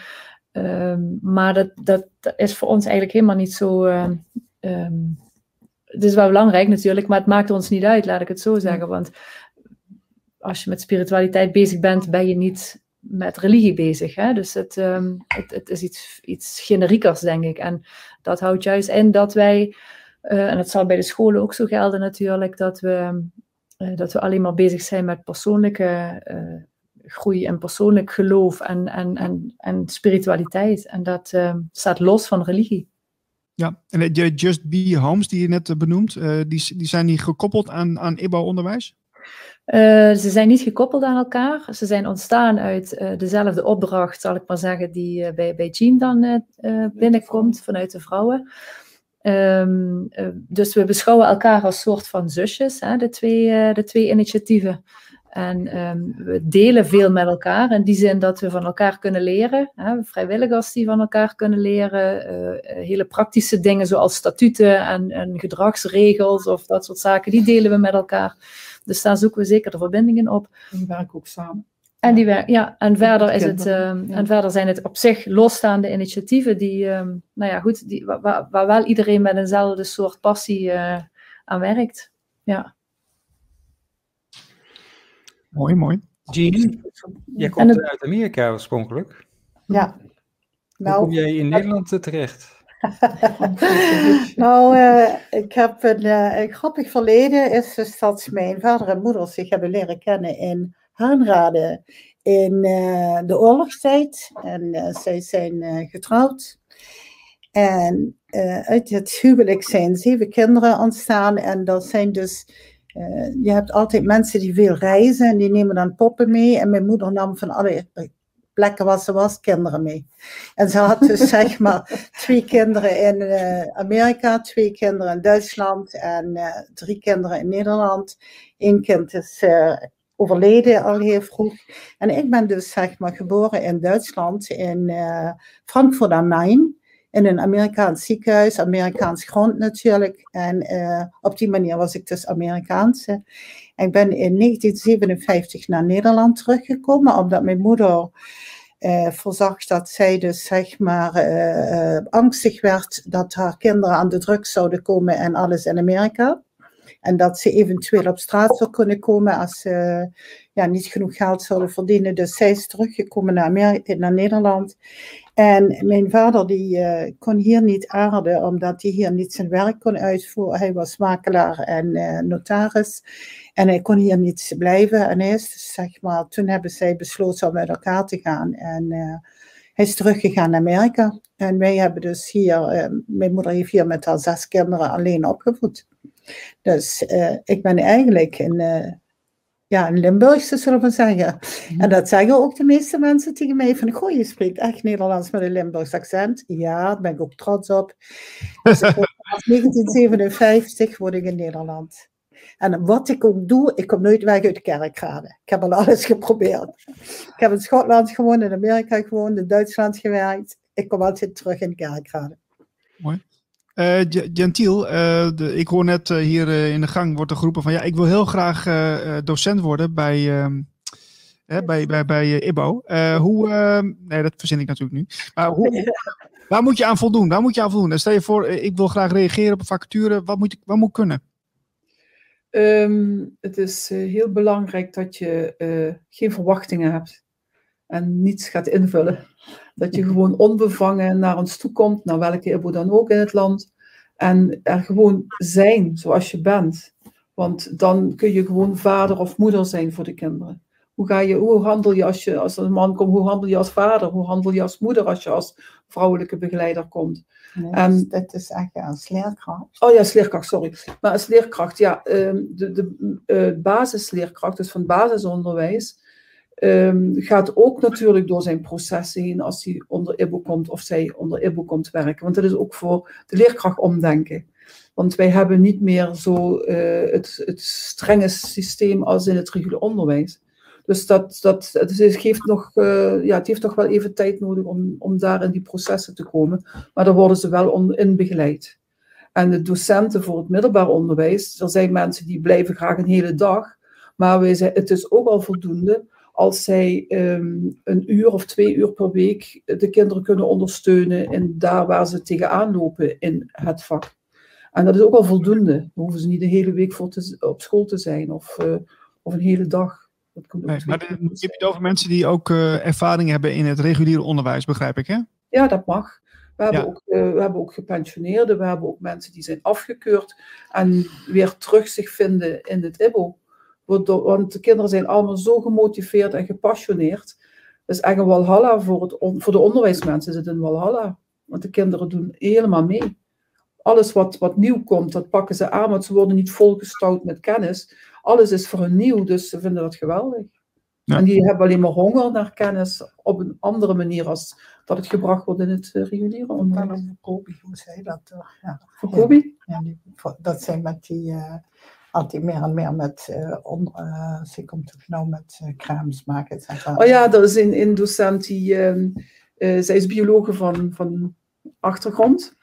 En zij heeft als docent gestudeerd voor wiskunde, want ze wilde toch graag iets delen, omdat zij best wel een beta-vrouw was. En die is bij ons gekomen en ze is biologie gaan geven. En ze begon dus nog heel braaf zo van, nou, ik pak een onderwerp en dat bied ik de kinderen aan.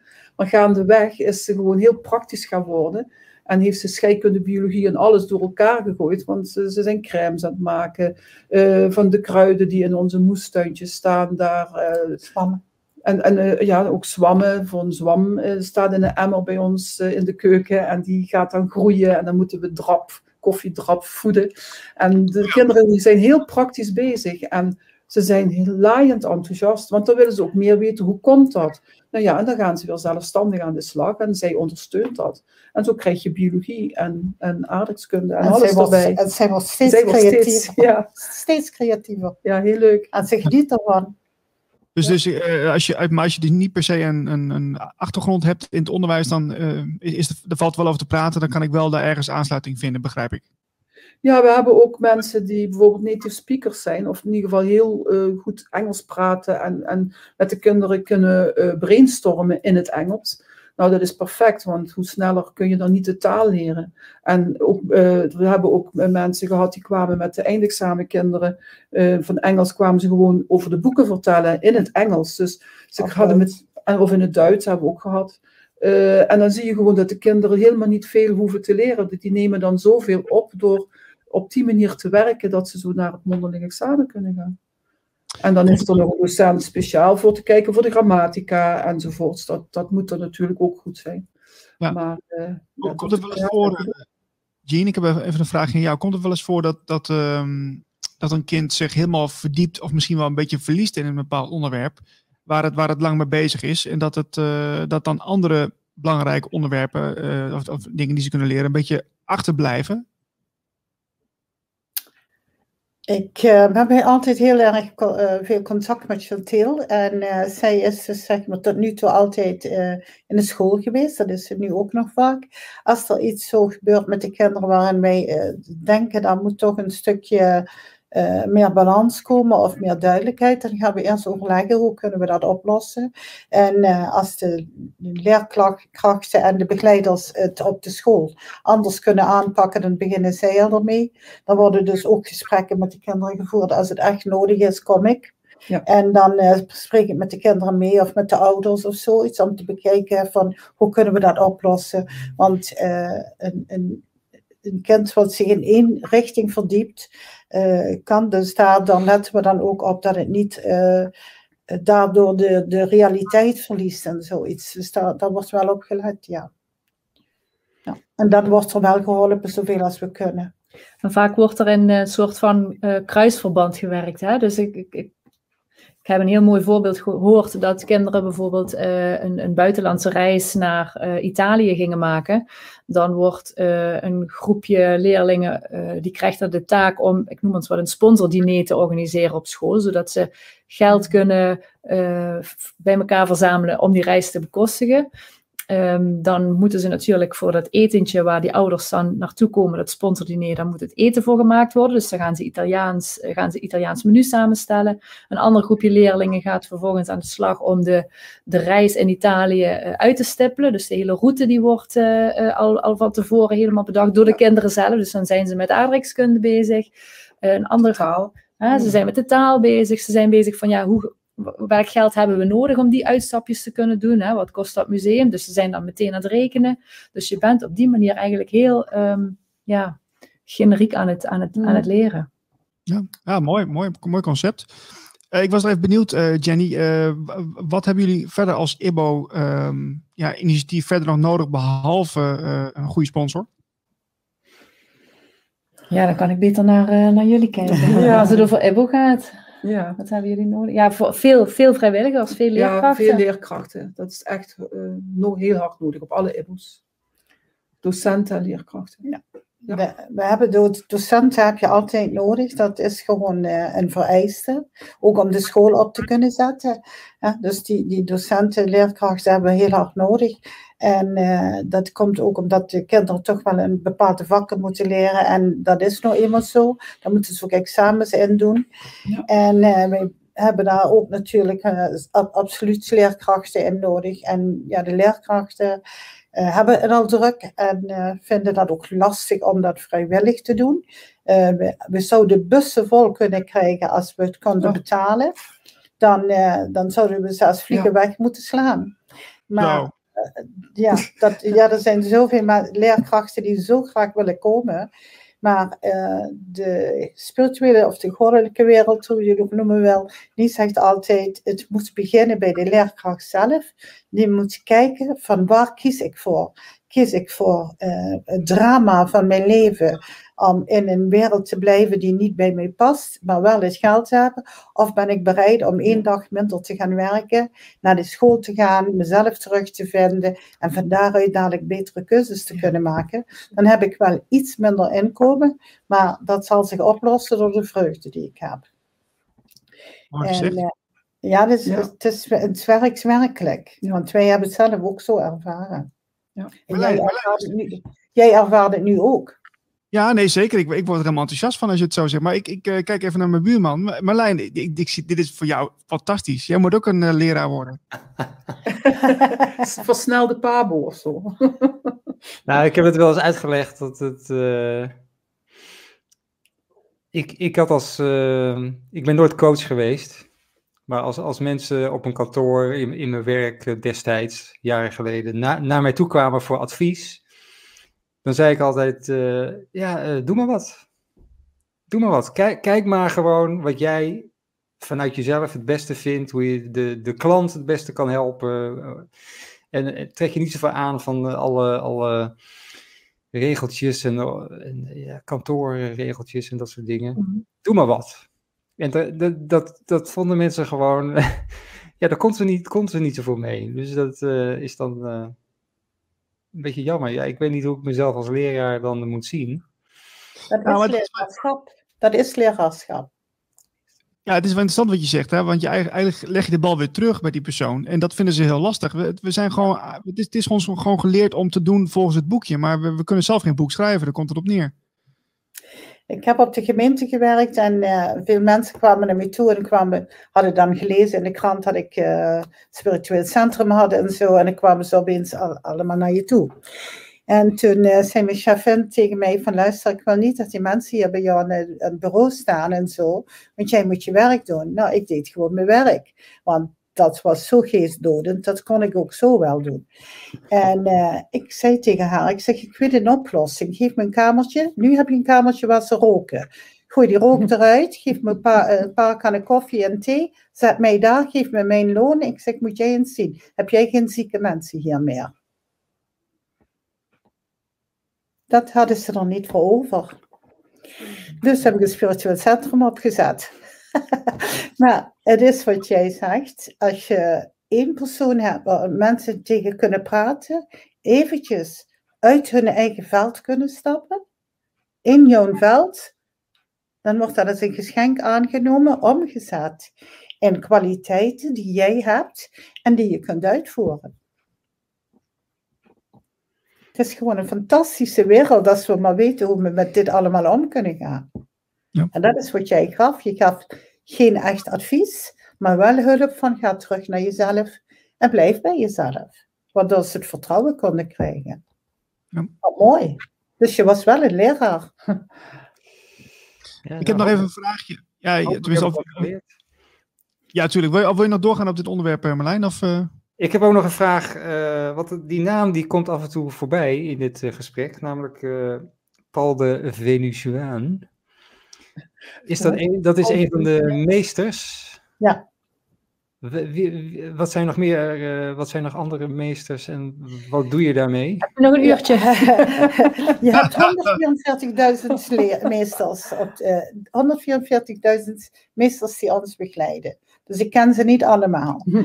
Ik ken er een paar. En um, Paul de Venetiaan is dus zeg maar iemand die dus eigenlijk als, als taak heeft om de mensen te helpen liefde in hun hart vast te houden. Want wij doen met Valentijn altijd alles in rood, maar liefde is roze. Want rood is passie. En rood gaat dus om seks en om, om passie uit te voeren. Hè?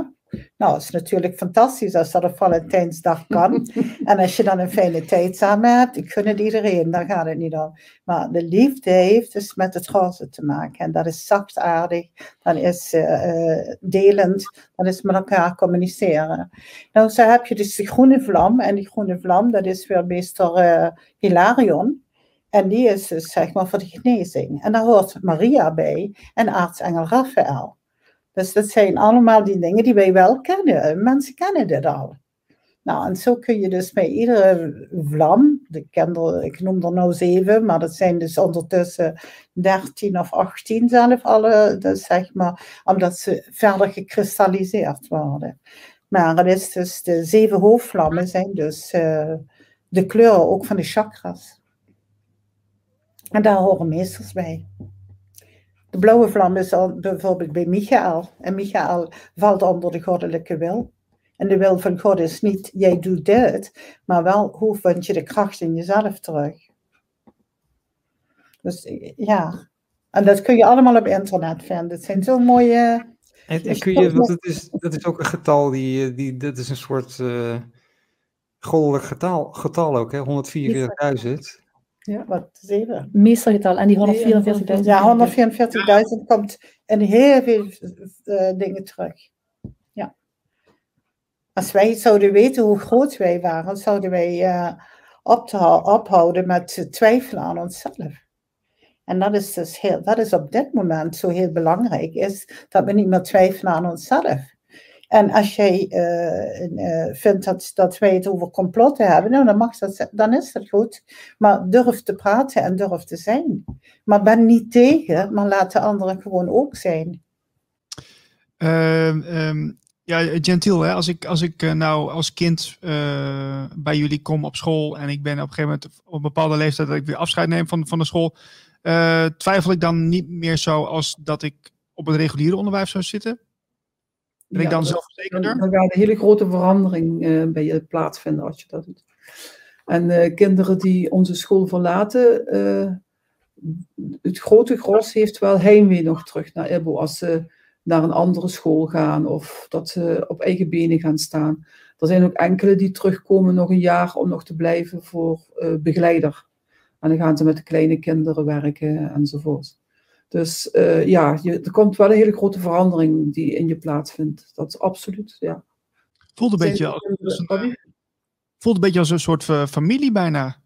Is het ook. We zijn allemaal broer en zussen van elkaar. En ze missen elkaar ook in het weekend. De lockdown heeft ook heel veel, heel veel pijn veroorzaakt bij de kinderen. Dat ze elkaar niet konden zien. En we hadden wel dat we uh, via uh, online uh, met elkaar contact hadden. Maar dat is niet het fysieke. Dus ja, dat was wel pijnlijk voor ze. Ja. Hebben, hebben de kinderen ook verkering? Oh ja, en dat is lastig met zo'n kleine groep. en, uh, en we hebben banken, we hebben banken, we hebben één jaar de bank uit, uh, uit de ruimte gehaald van de oudere kinderen, want dat was de, de lover. De love, love bank. Of de love bank. Daar, uh, nou, we hebben daar wel afspraken over. Kijk, dat ze handje houden is niet erg, maar ja, er lopen ook kleintjes rond. En en ik kan je zeggen, er wordt ook wel door de ouderen heel erg makkelijk uh, een woord vaker gezegd, zo in hun zin op zinsopbouw, uh, waarbij ze de mond beter kunnen spoelen. En dan komen kleintjes ook mee thuis met die woorden. Dus we hebben ze wel uitgelegd van, ik snap het dat het voor jullie geen betekenis meer heeft, maar het is toch wel een woord wat ook een trilling heeft. Dus daar leren ze dan ook mee. Maar die lovers, ja, dat, dat zijn aan, uit, aan, uit. Het is maar een kleine gemeenschap, dus dat is wat spannend af en toe. Is, is dat ook een ander soort verkering dan bijvoorbeeld op een gewone school? Ja, ja, tenminste, dat ervaren wij wel zo. En weet je wat het mooie is? Als het uitraakt, dan daar, daar ligt hun ervaring en hun, hun leermoment. Dan zie je, je moet toch verder in die kleine gemeenschap. En dan zie je dat ze verdriet, er is uiteraard verdriet en het mag er ook zijn. En degene die het uitmaakt, die, die weet dan ook van, goh, ik, eh, het mag zo zijn, ik moet het ook leren loslaten, want anders blijft dat zich voeden. En dan na een paar, twee weken, dan is dat over en dan zijn het gewoon vrienden van elkaar. En dat is juist het mooie, dat dat kan. Ja, dus, uh, ja. Mooi. Uh, ja, ik, ik, ik, ben zelf niet zo van, van labeltjes plakken, maar ik uh, schoot net een vraag te binnen. Um, er worden kinderen natuurlijk gediagnosticeerd met bepaalde gedragsproblematiek. Hoe, hoe, kijken jullie daarna? Is dat, worden die ook anders geholpen? Of, of gaat het gewoon mee in de massa? En hoe werkt dat? Ja, nee, dat niet. Maar we hebben absoluut geen stempels. Bij ons is geen kind autistisch, is bij ons geen kind ADHD of welke A, H, D, H en alle letters zijn. Bij ons is het kind gewoon Pietje, Jantje, Mietje. Enzovoort. En als het kind, omdat het kind zijn eigen ontwikkeling volgt, volgen wij het ook haargenau. En ieder coach heeft een coach. Uh, ieder coach heeft een kind. Het kind mag zelf zijn eigen coach uitzoeken. Mag ook wisselen als het niet meer klikt. Dus daar zit geen dingen op van, oh, nou wil ze me niet meer. Nee, prima. Dan kijk maar waar je bij iemand anders uh, terecht kunt. Dus ze leren ook van gewoon dat er geen beperkingen zijn, maar alleen maar mogelijkheden. En uh, dan ben ik het even kwijt. Dat soort, dat, ja, we hebben gewoon die stap. Nee, hebben we al van begin af aan niet gehad. En toen we met de aanraking kwamen met de inspectie, die waren hartstikke blij dat dat die stempelgevoel bij ons wegviel. En dan zie je ook kinderen die zich dan ook kunnen ontwikkelen tot eh, bijvoorbeeld, je hebt vaak met autistische kinderen dat ze zeggen van ja, die zitten liever in hun eigen bubbel en die willen niet sociale contacten en zijn meestal hoogbegaafd dat kan ook kloppen, maar op de een of andere manier zie je ze toch uh, voor hun doen heel sociaal zijn. En dat wordt ook gewaardeerd, maar ze mogen ook in hun eigen bubbel blijven. Maar dat sociale, dat wordt zo getriggerd binnen onze sfeer, dat ze gewoon daaraan mee gaan doen. En ook ervaren dat het ook prettig kan zijn. En we hebben ook geen dyslexie. Geen, ja, dyscalculie, dyslexie, dat, dat bestaat bij ons niet. Het kind ontwikkelt zich gewoon verder en op zijn eigen manier.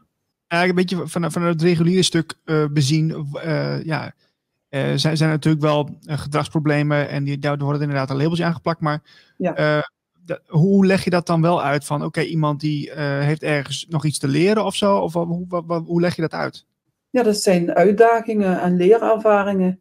En kinderen met agressief gedrag hebben we ook natuurlijk in die jaren mee mogen maken die kunnen, dat kan Ibo, hun dat niet bieden wat ze nodig hebben. Het kind is oké, maar wij kunnen het niet bieden. Want het kind mag geen boodschap krijgen dat hij niet oké is. Absoluut niet. Want het kind doet gewoon zijn taak hier. En dat, uh, dat, daar, kijken we wel naar. Maar het is wel het verschrikkelijkste binnen de IBO-wereld als je een kind moet zeggen dat IBO niet bij past. Dat doet harten zeer. En daarvoor dat we niet kunnen bieden. Ja, en daarom misschien ook met een derde poot bezig. Wat ook daarin mee kan ondersteunen. Maar dat moet ze maar even zelf vertellen.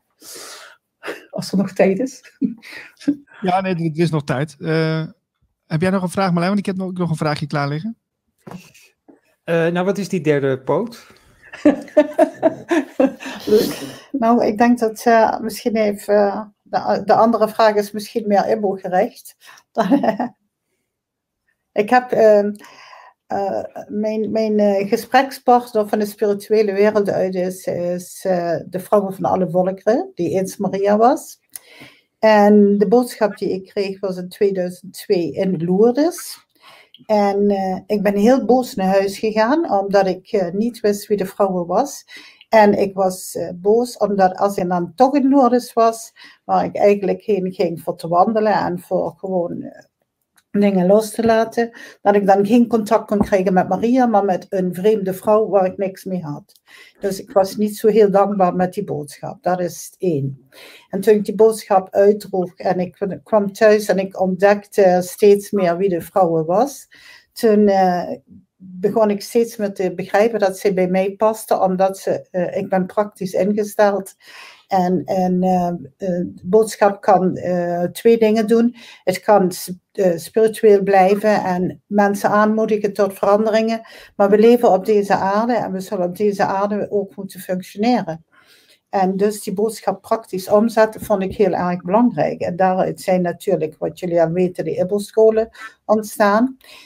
En de tweede boodschap was in 2015 en die kreeg ik in maart. En toen heb ik eerst gevraagd, omdat ik heb, altijd, ik, ik uh, heb uh, een heel laag zelfvertrouwen altijd gehad.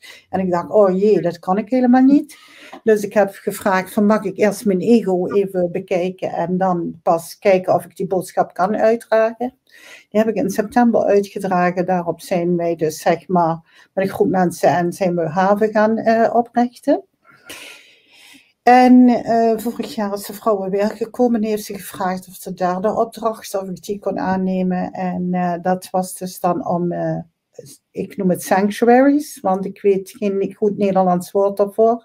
Maar dit is dus een plek, een soort heelhuizen op te zetten waar mensen dus naartoe kunnen komen om gezond fysieke klachten, emotionele klachten, et cetera, te kunnen herstellen.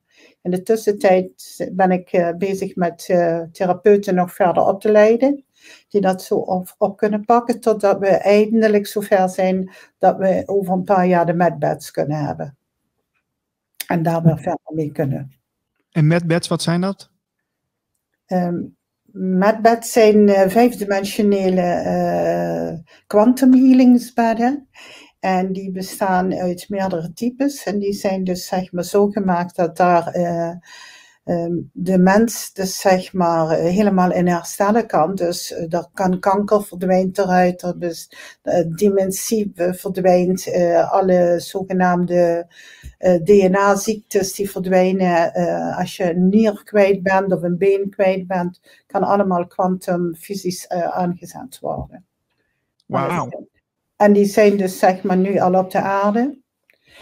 Alleen wij hebben zelfs nog niet de mogelijkheid om daarmee te gaan werken, omdat ze nou nog vastgehouden worden door uh, de militairen. En daar worden ze gebruikt voor, uh, voor de militairen die uh, vreselijke dingen hebben meegemaakt en mogen herstellen. En dat gaat dan weer een andere richting uit. En dat, is misschien een andere uitzending of zoiets. maar dat gaat over satanisme en kindermisbruik en zoiets. En daar horen nu de, daarom komen de medwets nog niet naar voren, omdat eerst uh, militairen en de kinderen die zo vreselijk misbruikt zijn, dat die eerst daarin mogen genezen en dan komt het pas naar de, naar de grote massa toe. Oké. Nou, in die tussentijd hebben wij ook met technieken waarin wij dus zeg maar wel al voorbereidend werk kunnen doen en mensen toch wel langzaam kunnen herstellen, et cetera. Mooi. Dus daar, zijn we nu mee bezig om dat op de, verder neer te zetten. Ja, ja. En dat, dat is dus, uh, maar de vraag was die derde poot, hè? Daar, ja, dat is de derde poot, ja. ja.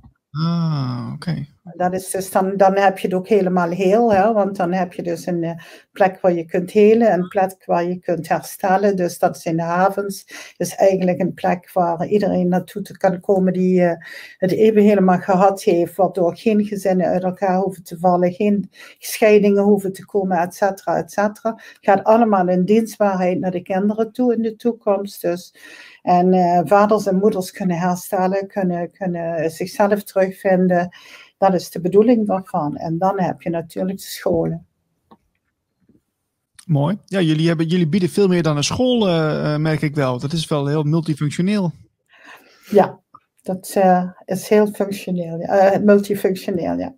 ja. ja. Dat is dus de derde poot. En ja, nou, als, als de vrouw die vraag stelt, dan is het zo dus dat, dat ik al weet dat het gaat gebeuren. En of ik dat nou ben of iemand anders, dat maakt niet uit. Het, het, eigenlijk bestaat het al.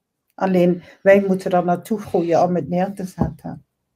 En die, die medbeds die, die, worden, die zijn ook dan beschikbaar voor volwassenen of, of speciaal voor kinderen? Die zijn, nee, die zijn voor alle mensen. Eh, de ziekenhuizen in de toekomst zullen niet meer ziekenhuis heten en dat zouden ze ook nooit moeten heten. Ze zouden heel huis moeten heten, want je moet gaan naar het ziekenhuis toe als je ziek bent en je zou hersteld moeten eruit komen. Dus dat zou, naam is al, al een verkeerde trilling. Maar de toekomst is dus dat wij uh, veel meer aan het zal, zal tussen nu en, en een paar jaren, ik schat ook uit zo'n zo'n 7, 8 jaren, dat wij allemaal met die medbeds kunnen gaan werken. En niet wij allemaal, maar daar moet je ook natuurlijk voor opgeleid worden. Maar is, uh, ook voor de artsen is dat zoiets ideaals. Zo, zo, alles wat ze geleerd hebben, dat kunnen ze dan omzetten. En ze kunnen dan zien hoe hun werk, dat wat zij zo hard voor gewerkt hebben. En, en vaak niet, ze hebben nieren eruit moeten halen, maar dat hoeft dan niet meer. Zij kunnen dan zien hoe een, nier herstelt. Dat is toch dat is fantastisch voor een arts. Of een hart herstellen kan, of een kind uh, in plaats van gehandicapt uh, of, of, wat dan ook, dus helemaal herstellen kan. Ja, dat klinkt wel heel uh, futuristisch. Ja, het is, uh, als je in de toekomst mag kijken, dan zeg je van jammer dat hij niet nu al is. ja. Geloof ik, ja. Je, je doet ook, je bent wisdom teacher, staat op je site. Je, je geeft ook consulten. Ja, we hebben ja. bijna geen tijd meer. Maar wat, Waar, waar kunnen mensen voor, uh, waarvoor kunnen mensen naar jou toe?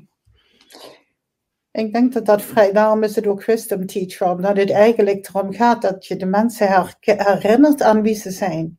En welke kwaliteiten ze hebben en welke kwaliteiten ze vaak niet zien. Of uh, de de goddelijke moeder gaf als boodschap, jullie gaan allemaal voor diploma's en jullie hangen je op voor een rijke diploma of wat dan ook, het maakt niet, wat, oh, maakt niet uit. Maar ze zegt, hoezo zien jullie niet dat jullie vanaf de geboorte tot nu al zoveel diploma's hebben, dat jullie kastelen vol kunnen hangen met je diploma's. En eentje van die diploma's is de ervaring van afgewezenheid, niet goed genoeg zijn, uh, denken dat je van, ja, zo, zo, het zijn allemaal die, allemaal die waarden en zoiets waar wij zo van waarde hoog en laag van maken.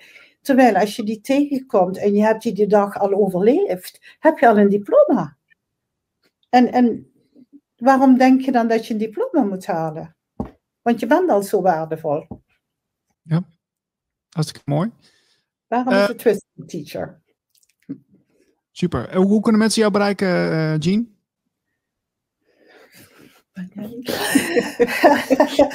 Uh, ik ben eentje van de hele lastige mensen om te bereiken, omdat ik wel een telefoon heb en uh, heel druk bij, bezig ben. Dus ze kunnen me gewoon bellen. Het staat op mijn site. En uh, Daar heb ik mijn 045-nummer, heel ouderwets. En dat wil ik graag zo houden, want anders privé is er dan niet boven. We gaan binnenkort de websites veranderen, van, die van Jean Freer zelf en ook die van, van. Dat staat ook op de planning. En dan zullen we ook daar uh, wat meer routingen aanbrengen, hoe mensen makkelijker een consult kunnen inplannen of een lezing kunnen boeken of um, een cursus kunnen gaan volgen. Dat gaat dan wat meer via een online omgeving en dan gaat het ook wat uh, geautomatiseerder, zal ik maar zeggen, dan dat we dat nu op dit moment aanbieden. Ah, Oké, okay. ja, ja. ja. Nou, ik wil in ieder geval heel erg bedanken voor, uh, voor jullie tijd en voor het mooie gesprek.